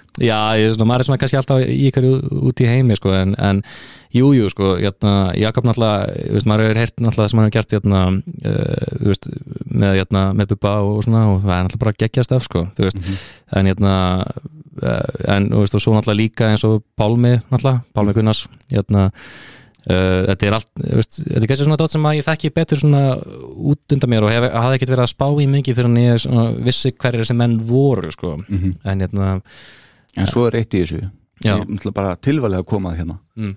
Það er náttúrulega bara Rúni Júl Já, heyrðu, ok, ok, ok. Ég, Það er náttúrulega bara sér kapituli hérna. Ég trúi ekki að ég sé að speisa náttúrulega á því sko, náttúrulega nýbúin að spila bara allan katalógi nánast sko, hérna.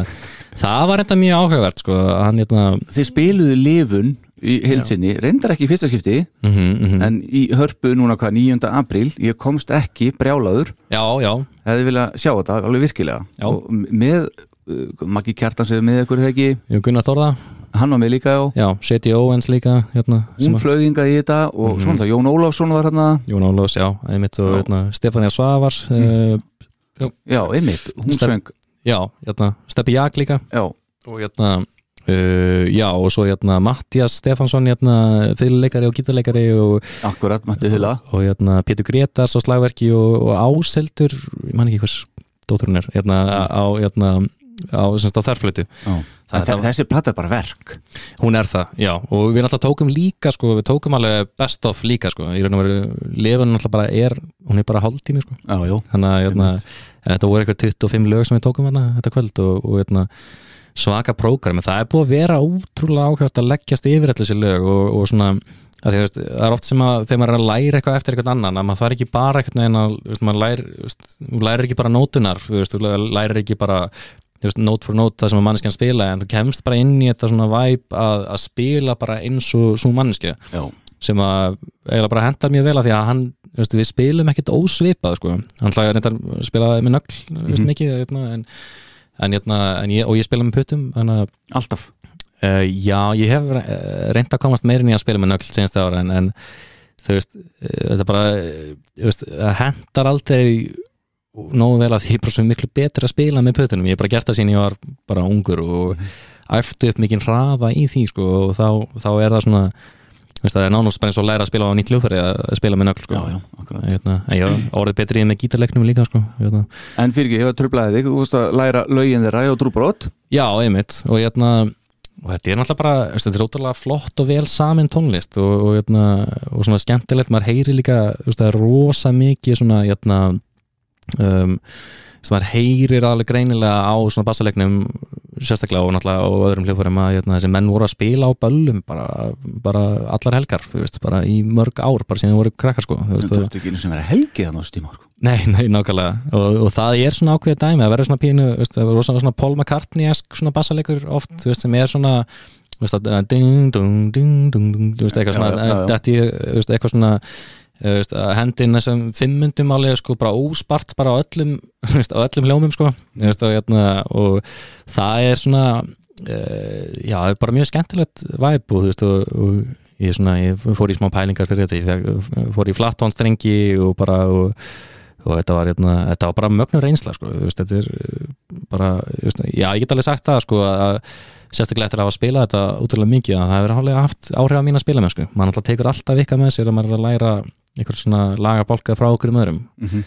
og hérna ég, Tókuðu eitthvað líka þarna undir áhrifum og eitthvað svoleiðis eða? já, við tókum bara, það var bara best að við tókum eiginlega bara öll helstu lögin sko Já, og hérna, það var sko, fyrir hlið var hérna, var eitthvað klukkutími af bara best of sko og svo eftir hlið tókum við lifin og endum á hérna, án þín og, og hérna og, hérna veitu, hérna oh, ég speis alltaf á þessum íslensku lögum hérna, Veit þú Eh, að kemur ég veit þá kemur, já, já, Já. því að það er, það er, það er, það er, það þrjú lög, ég sé, ég sé það um, þú skalt mig fá og ég veit þá kemur. Sem alltaf, hún syngur svo ég vil að þú komir. Já, og, og þetta er alveg, í þessu ferli það er búið að vera bara, þú skalt mig fá. Og maður alveg, býtu, hvaða lag er það aftur, býtu, uh, já, já, já að þetta er svolítið svo svipur nöfn, sko. Já, já. og hérna, hérna, hérna En þið gerðu þetta líka, var ekki á Eistnafí? Jú, við gerum þetta þá með, sko, Magga Kjartans líka. Og, hérna, og það var raun og verið svona fyrsta byrjun á þessu samstarfi sko, hérna, og, og, hérna, og það var eitthvað umtalað að við myndum gera þetta með þeim þegar við gerum þetta síðast sko, en svo einhvern veginn æxlaðist að þannig að við gerum þetta bara með núna frekar sko, hérna, en þetta var útrúlega skemmtilegt að veist, við líka bara erum alveg svona pínu sticklers þegar kemur að því að, að vera þjættir þú veist, þannig að við vorum bara að vera að þetta bara síðan í janúar, þú veist, svo þegar hinn hljóðfórleikarnir kom inn að þá voru við bara voru bara búinir að læra þetta, þú veist, við kunnum öll lögin alveg upp á hár, þú veist, og, og það var bara einhvern veginn, hérna setti svolítið tónina að, þú veist, að það var bara rosa solid, þú veist, bara foundation og allir, það var rosa þjætt bara eftir það, sko, og, hérna, og bara, já, það er bara ótrúlega gaman að spila með þessu fólki, þetta er svo hæfilegar ekkert fólk og, og flott lög og, þú veist, að fá að spila þetta líka fyrir fullri Eldborg er alveg bara, ekki ekki sko. Já, þú veist, ég er, að- ég er að vinna rosa mikið í Eldborg, þú veist, bara ég vinn í hörpu mikið í hljóði og gaman að mæti í vinnuna líka og vera hinum einu þú Akkurat. Ég bara, ég tengdi ekki eina einustu snúru sko, Og þarna varstu stjarnan. Já, ég setti bara hörðmörk sko, Já, já, algjörlega glæsilegt. Eh, Var eitthvað sem kom, komur óvart í, í þessum katalógiðum, eitthvað var þetta í rúna eitthvað sem að, já, svona eða var það bara ballspilamennskan sem að Já, sko ég, ég veit ekki svona veist, því maður er alltaf búin að vera að gera þetta núna spila þessu lög yfir svolítið langan tíma sko, og, svona, hann fær stundum pínum bad rap sko, það er stundum eitthvað svona, hann var ekki það góður bassalegri en ég, veist, já, ég menna bara eh, reyni hver maður að spila þetta, eh, reyna að spila lifund, þú veist, til dæmis bara. Það er bara, þetta er eh, drullu krefjandi stef sko, og ég bara ber mikla verðingu fyrir honum bara, þú veist, og, og þeim bara sem tónlistumennum þú veist, líka bara þú veist, náttúrulega eh, Gunnar Jökull hérna, trommar er náttúrulega alveg á trilljón hérna, sko ég, hann er eiginlega meistari plötunar sko.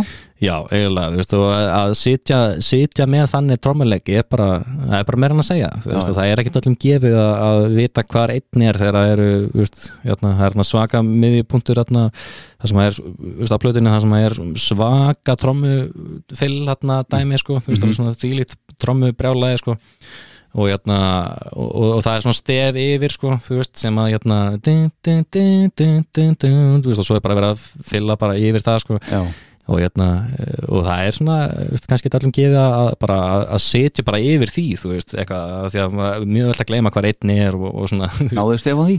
Já, ég, Stefán maður sagði það sko, algjörlega. En ekki, hvað maður. Við spilum þetta bara, já, náttúrulega bara, eh, bara mjög nálægt líka bara því sem við spilum, þetta bara lág mjög vel við fyrir okkur sko, eða ótrúlega fyndið.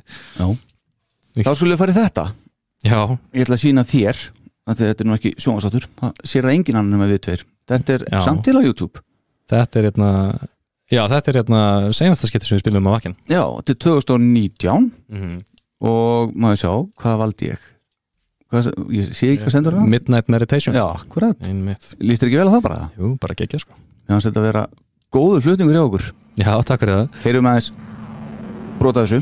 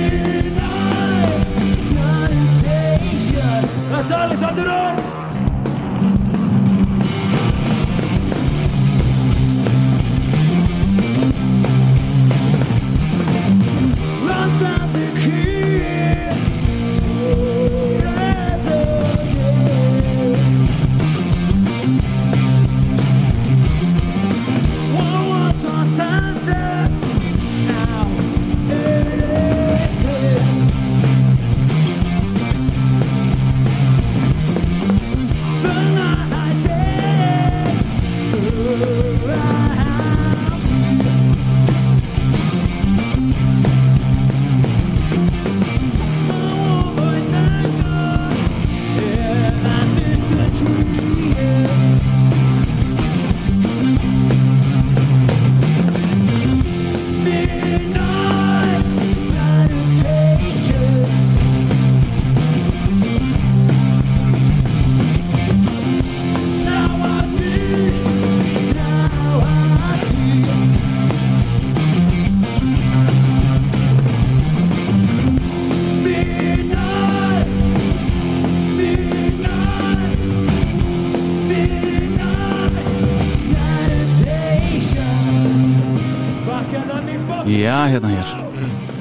Ansi gott, þið eru vel spilandi. Já, takk fyrir það. Þetta, hérna, uh, finnst ég að segja frá. Við vorum, hérna Já, sem sagt, þetta gig Þá vorum við búin að spila í Austuríki Kvöldið áður.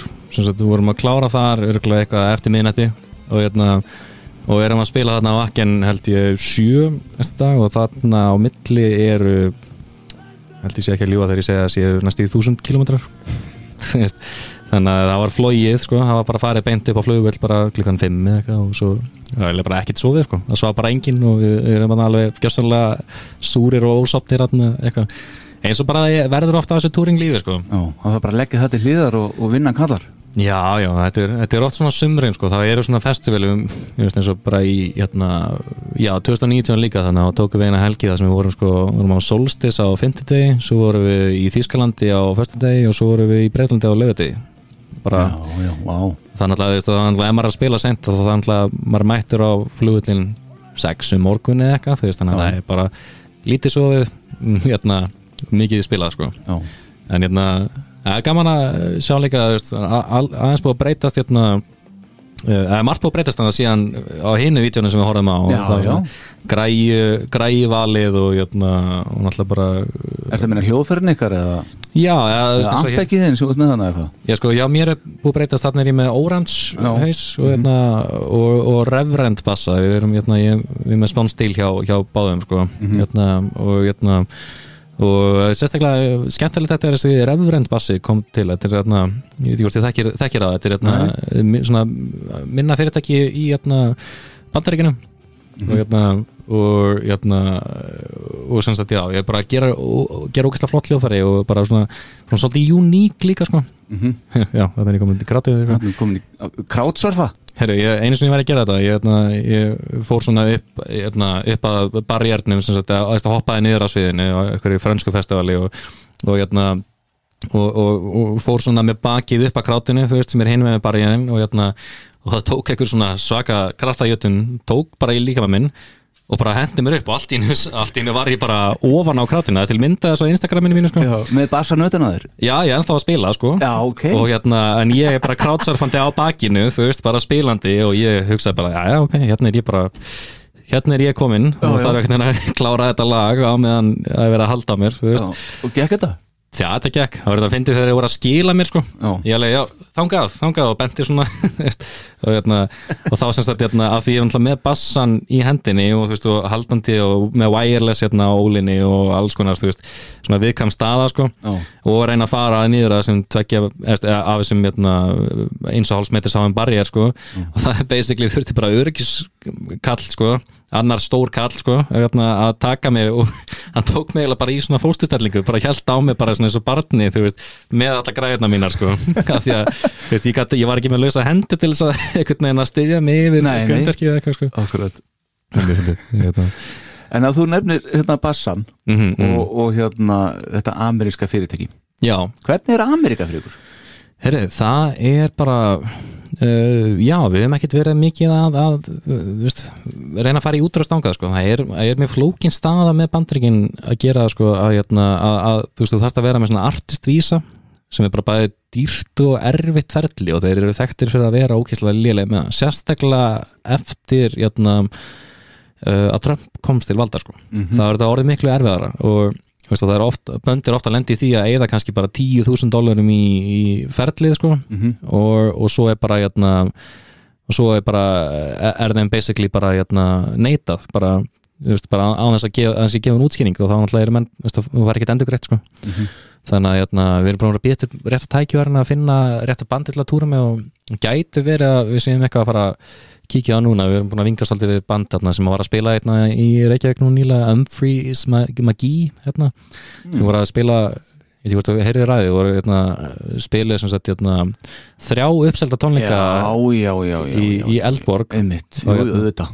En það var þannig að þeir reyða svo diggað aðtöndur að, hérna, að þú gast bara keift uh, sagt þryggja daga passa og, hérna, og allir sem að komið voru frá bandaríkunum Mér finnst þannig að bara Þetta er merkilegt. Það seldist upp bara á, á sko, nú leitni ég, ég, hérna, sko, Er þetta sama, sami árundur bara í öll skiptina? Já, Bara al, algjörlega? Já, þeir eru að spila mismöndi sett sko, þeir spila bara alls konar Já, stóð já, sko, já, ég hérna, þannig að hérna, eh, og eru bara með mismöndi lög á hverju kvöldi og mismöndi, og svo voru sko eftirpartísjó, við spilum henni eftirpartísjónu hérna, uh, áttum við að spila með þeim í Eldborg líka þeir held að, held að við varum að túra því við ætlum að gera þetta með þeim 2020 sko, Mhm. og svo fjalla undir út af vitna COVID sko, og hérna og, og já, er, já bara voru lengsa hérna, en hérna en hérna það var ótrúlega fyndið sko hérna, sko þegar þið voru að selja miðana sko, hérna, sko, hérna fólki í hörpi held að það var að gera árás á, á miðasalkerfið bara svona, svona, svona, bara svona 12 ára þú Já, veist. trúðu sér ekki Nei, það meika ekkert sens Nei. en enginn heyrti með þetta band þú veist, eitthvað. en þeir eru bara ríkala næst koma allir á all, eh, sem sagt, hérna, við endum að spila ekki með Mjálborg við spilum eftir partísjó á Húrra sko, hérna, og hérna, sem að byrjaði bara beint eftir þeirra sjó. Nema þeir fóru bara beint af sínu sjói á Húrra Mhm. og komið allir og mætti og horfði á sjóðu okkar að bara- ekki bara ykkur sem bandi þá með þetta artistvísa að vera þá í slæðtói við ykkur og svona? Jú, það gerir það sko en það er náttúrulega líka bara það sem að veist, maður þekki mörg bönd sem að vera að fara til bandaríkina sko og, og taka þá eins og headline túra en, en bandaríkin er svolítið bara öðruvísi markaður skilst manni sko, þetta er svona veist, þetta er ekki eins og í Evrópu það sem að þú bara svolítið bókar tónleika og þú veist og það mætir alltaf ykkur sko þú veist, um, en þarna úti þá er þetta bara að þú ert ekki þekktur sko þá mætir bara enginn nei, og þannig að það er rosa óhagstæðið fyrir bönd að fara alltaf með svo headline túr sem fyrsta túr í veist, þannig að þannig að við hefum verið að hérna, býða bara til rétta bandinu til þess að fara með eiginlega sko. En, kannski, það, en, núna er túrframöndan ekki satt hérna í Evrópu? Jú, jú, jú það er hérna, Monuments túrin væntalega Já, það er einmitt hérna, þetta verður uh, gaman að komast aftur í gang sko, við erum að fara á fylgta festivalum í sumar sko, tökum, hérna, tökum einmitt hérna, Hellfest og Grasspop á sömu helgi hérna, og, og tökum eitthvað, við erum að taka stort festivali á Spáni líka sem er með veist, Whitesnake og einhverjum, einhverjum fleirum minnum hérna, einhverjum svona stórum böndum og, hérna, og svo einhverjum svona fleiri festivali við sumarið og, hérna, og svo hérna, í hérna, oktober, november erum við að fara semst á, á hérna, þriðja túrin með Opeth þar sem við förum atna, byrjum sem sagt, í Eistlandi og, og förum atna, niður bara allarleið til Ítalíu bara austuröðarfi hérna, reyndi að vera alltaf, alltaf hérna, svolítið svona í kringum Úgrænu eða svona henni með landamærin sko. spila hérna í Rúmeni og, hérna, og, og hérna, Búlgari og, og einhver- einhverjum fleiri sko. Stem, Þið hafið spilað eins og í Rúslandi líka, ekki? Jú, við höfum tekið tö, eða, hérna, við höfum farið tvistar til Rúslands Mhm. og, hérna, og höfum alveg, við höfum farið svolítið við það sko, við erum alveg búin að spila vera duglega að spila út um allt sko Mhm. og hérna, svo er mynd bara um leið þessi ópæðtúr endar á Ítalíu og hérna, og svo förum við þrejum dögum setna og byrjum við headline tour á Spáni þar sem við ætlum að túra með hérna, starfsbræðurum okkar í, hérna, í Volcanova, íslenskum já. og hérna nefnir, fyrsta, fyrsta skipti sem við höfum hérna, gert svona planum að sko, vera með íslenskt band í fyrsta lagi og sko, íslenskt crew af því að sem sagt, planin núna er að vera þá með bara að allir nema kannski dræfirin eða eitthvað verði bara íslenski af því að við höfum alltaf verið að vinna með erlenda hljóðmenn til dæmis hérna, eða hljóðkonur og þetta er með hljóðkonur núna í, í þrjú ár hérna, eða tvö ára eitthvað og, hérna, uh, og núna uh, ákveðu bara að fara hérna, og reyna bara að vinna með Íslendingum af því að veist, veist ekki að því að það er eitthvað betra að verra bara, veist, það er bara uh, ákveðin svona menningar mismunur, hvað, veist, það er lúmst hvað hann getur veist, eh, svona sett hluti pín úr skorðum sko. getur En, talandu þetta. Mm uh, Ég er búin að vera að horfa á viðtöl við ykkur og svona í undirbúningi fyrir þennan þátt. -hmm. og þeir eru mikið spurðir út í Ísland og það er séðu frá Íslandi og þetta er auðvitað fyrsta viðtali sem ger, kemur í lengi sem að ég er ekki að spurða út í það já, alveg ekki, en veist, hvernig strækja það ykkur? Veist, e, og, og bara þá ætlum ég bara að gera það. Mm. Já. hefur áhrif, veist, á ykkur sem tónlistarlega veist, finnið það Já, já, klálega. Það er náttúrulega, þú veist, það, það er það sem að, þú veist, gerir það að verkum að við gátum við að gera þetta til að byrja með, sko, var að það var svo mikill áhuga á íslenskum böndum, sko. Og en er, í tónlistinni sjálfri, þú veist, finnið þið já, já, þú meina það. Já, kraftin í jöklunum, eldfjöllin sko, það er náttúrulega, veist, ok, bara að, að, að búa í Íslandi, þú veist, það var eitt svolítið miklum tíma, veist, all, allt mitt fullorðinslíf hef ég búið að að það er bara eitthvað svona stemming á Íslandi það er alltaf trilljón, alltaf þú veist, allir einhvern veginn að gera eitthvað stanslust alltaf og brjálað að gera. Brjálega að gera, alltaf brjálega að gera veist, og, og, og það er einhvern veginn það, það stoppar aldrei og svo er bara koma bara stormar á vetuna og, og þú veist, og mann ætla bara að spóilda af öllu þessu landslægi, hérna, þú veist, það klálega hefur það áhrif, sko, þú veist, og maður líka kannski bara kann að meta, þú veist, að um, þú veist, ég veit ekki ég, ég, ég er kannski ekki meðvitað um að hafi áhrif en, en, en, en djöld sem að ég veist, bara á mínum, svona, bara senustu fimm árum eða eitthvað, er bara, þú veist ég gæti ekki ímynda með þetta búa til með bara í miðbæ Reykjavíkur, þú veist, eða, eða í einhverju stórborg þar sem ég hef ekki bara beint aðgengi að, að, veist, að, hérna, að náttúru, sko. Mm -hmm. Sérstaklega kemur kannski líka inn með, með utanvæðarlaupunum að ég bara, ég, sko, ég lifa á því að geta bara að fara beint út frá húsinu mínu og bara, og bomba bara beint út í náttúruna, veist, þannig að það er klálega bara, veistu, ég sem eiginlega, sko, mín mest að vinni tónlist, sko, veistu, ég kannski byrja byrja á eitthvað hljóðfæri svo verður þetta bara mest megnast til í hausnum á mér sko. veist, það er bara, ég er mikið að semja fyrir að hlaupa mm -hmm. það er maður bara eitthvað svona endur taka eitthvað mentur sko, og svo verður það, veist, ég ofta leys úr einhverjum svaka vandamálum í mínum lagasmíðum bara að hlaupa því ég hleyp alltaf án tónlistar og, og það er maður kannski í það ekki uh, Abba, var það ekki hann sem var hérna? Tjans, tikka tjans, tikka tikka tjans tjans, það var riffmið þegar hann var út að skokka Já, það má vel vera sko. ég meina, þú veist, mér finnst það bara já, þetta, þetta á ótrúlega vel við það þegar maður er að leysa úr einhverjum vandamálum þú veist, og þú veist, eins og ef maður er tónlistarlaug sko, þú veist, þá kannski er maður, maður er kannski í þrjá tíma að hlaupa, þú veist, og það skeður ímislegt í haustum að mann er á þessum þrem tímum þú veist, og, ég verði endur aldrei hlaupið í þrjá tíma ég þekki það ekki, nei, já, það er að pröfa það. Ég hef kannski prófað það. Já, já, akkurat, algjörlega sko. Herðu, all right næsta dagskrá ykkur er klálega samt heima í Hafnafjörði já, ég ætla að sjá okkur þar, ég á með það maður já. ekki vera mættur eitthvað bara snemma til að sjá þetta allt og fá plásu eitthvað. Jú, ég myndi halda það, þetta eru tvö gig er hérna, Sama daginn ekki, jú, jú, Já. þetta er bara þetta er eitt gig klukkan átta í fríkirkjunni.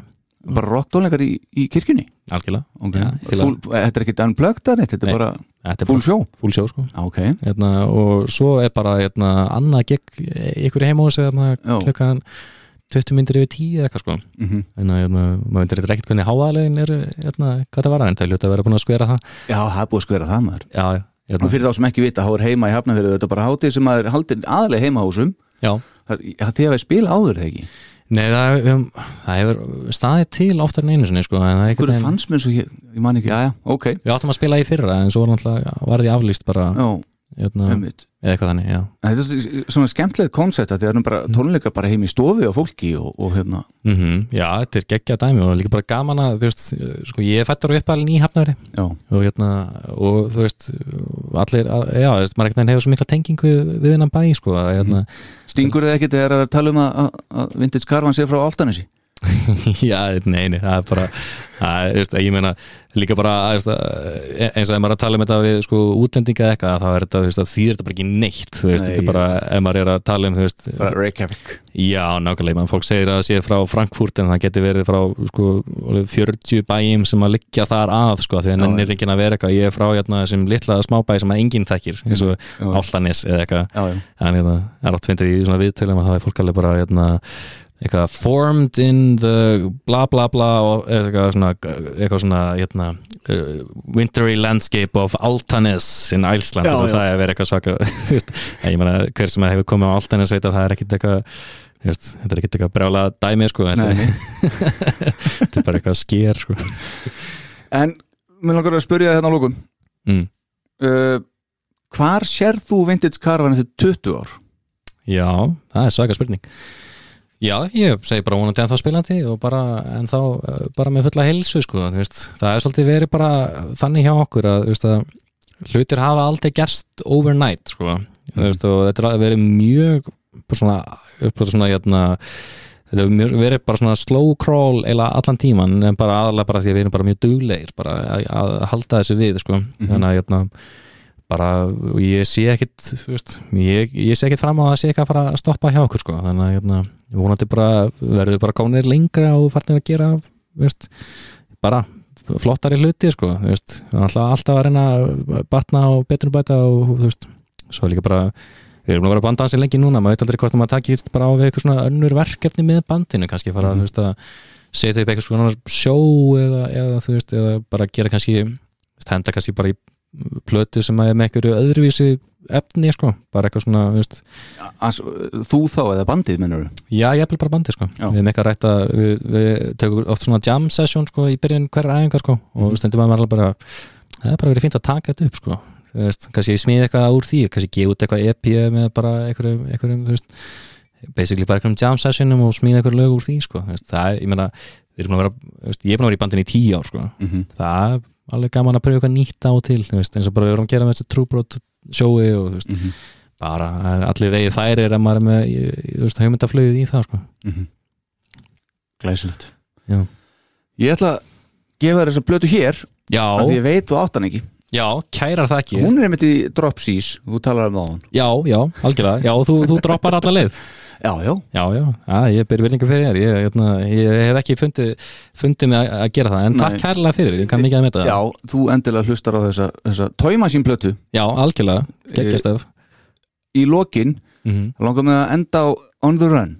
Já, Þetta er náttúrulega að mínu mati eitt mm besta lagið ykkar. Já, Er þetta lag eftir hvern? þetta er, þetta er Óskar. Já, hérna, og, og það er nú svona einn og einn hlutur í því sem að kemur frá, frá okkur Stefani sko, veist, svona, hérna, en, hérna, en þetta er, þetta er, það er svona þetta er epist eitthvað já, algjörlega og, og, og hérna bara, já, þetta er vel hefna þetta er líka svona lægi sem að verið höfða bara mest til eh, allra sko, þú veist, Mhm. það er svona er, oft, oft er þetta, ég myndi kannski segja þetta væri eða bara svona aðgengilegasta lægið okkar sko, mm -hmm. en hérna já, bara gaman að, veist, bara flott lagasmið hjá hann og bara, bara hefnast, hefnast bara vel sko. Bara til að undistrykka hvað þið eru svona mikið liveband og góði live þá er sko það eru svo mörg önnulög sem eru gaman að horfa okkur spila. Já, já, en þegar maður skellir á, á Spotify eitthvað, þá setur maður þetta kannski að þetta er svona já. fyrir eirun á meðan að hitt er eins og við erum búin að segja, sjálfur mm. svona sjóið í kringum ykkur spila. Algjörlega, já, já, þetta er einmitt svona uh, bara leikur bara beint á lagasmiðinni sjálfur sko. Bara gæðum hennar sko. þannig að, já, bara gegja Eitthvað á lókum? Ég bara þakka kærlega fyrir þetta skemmtilega spjall, þetta er bara ótrúlega gaman og, bara farið, farið víða. Já, þannig að hérna, ég segi bara takk kærlega fyrir já, takk fyrir að koma í leikongavélina og ég ætla að vona að við bara tekið á flestum málum. Ég, ég held að, pottit munum eitthvað leiðuhættum algjörlega já, gegja, Herðu, Alexander Örn Númarsson, gangið er vel með Vintage Caravan, takk fyrir komuna. Takk kærlega fyrir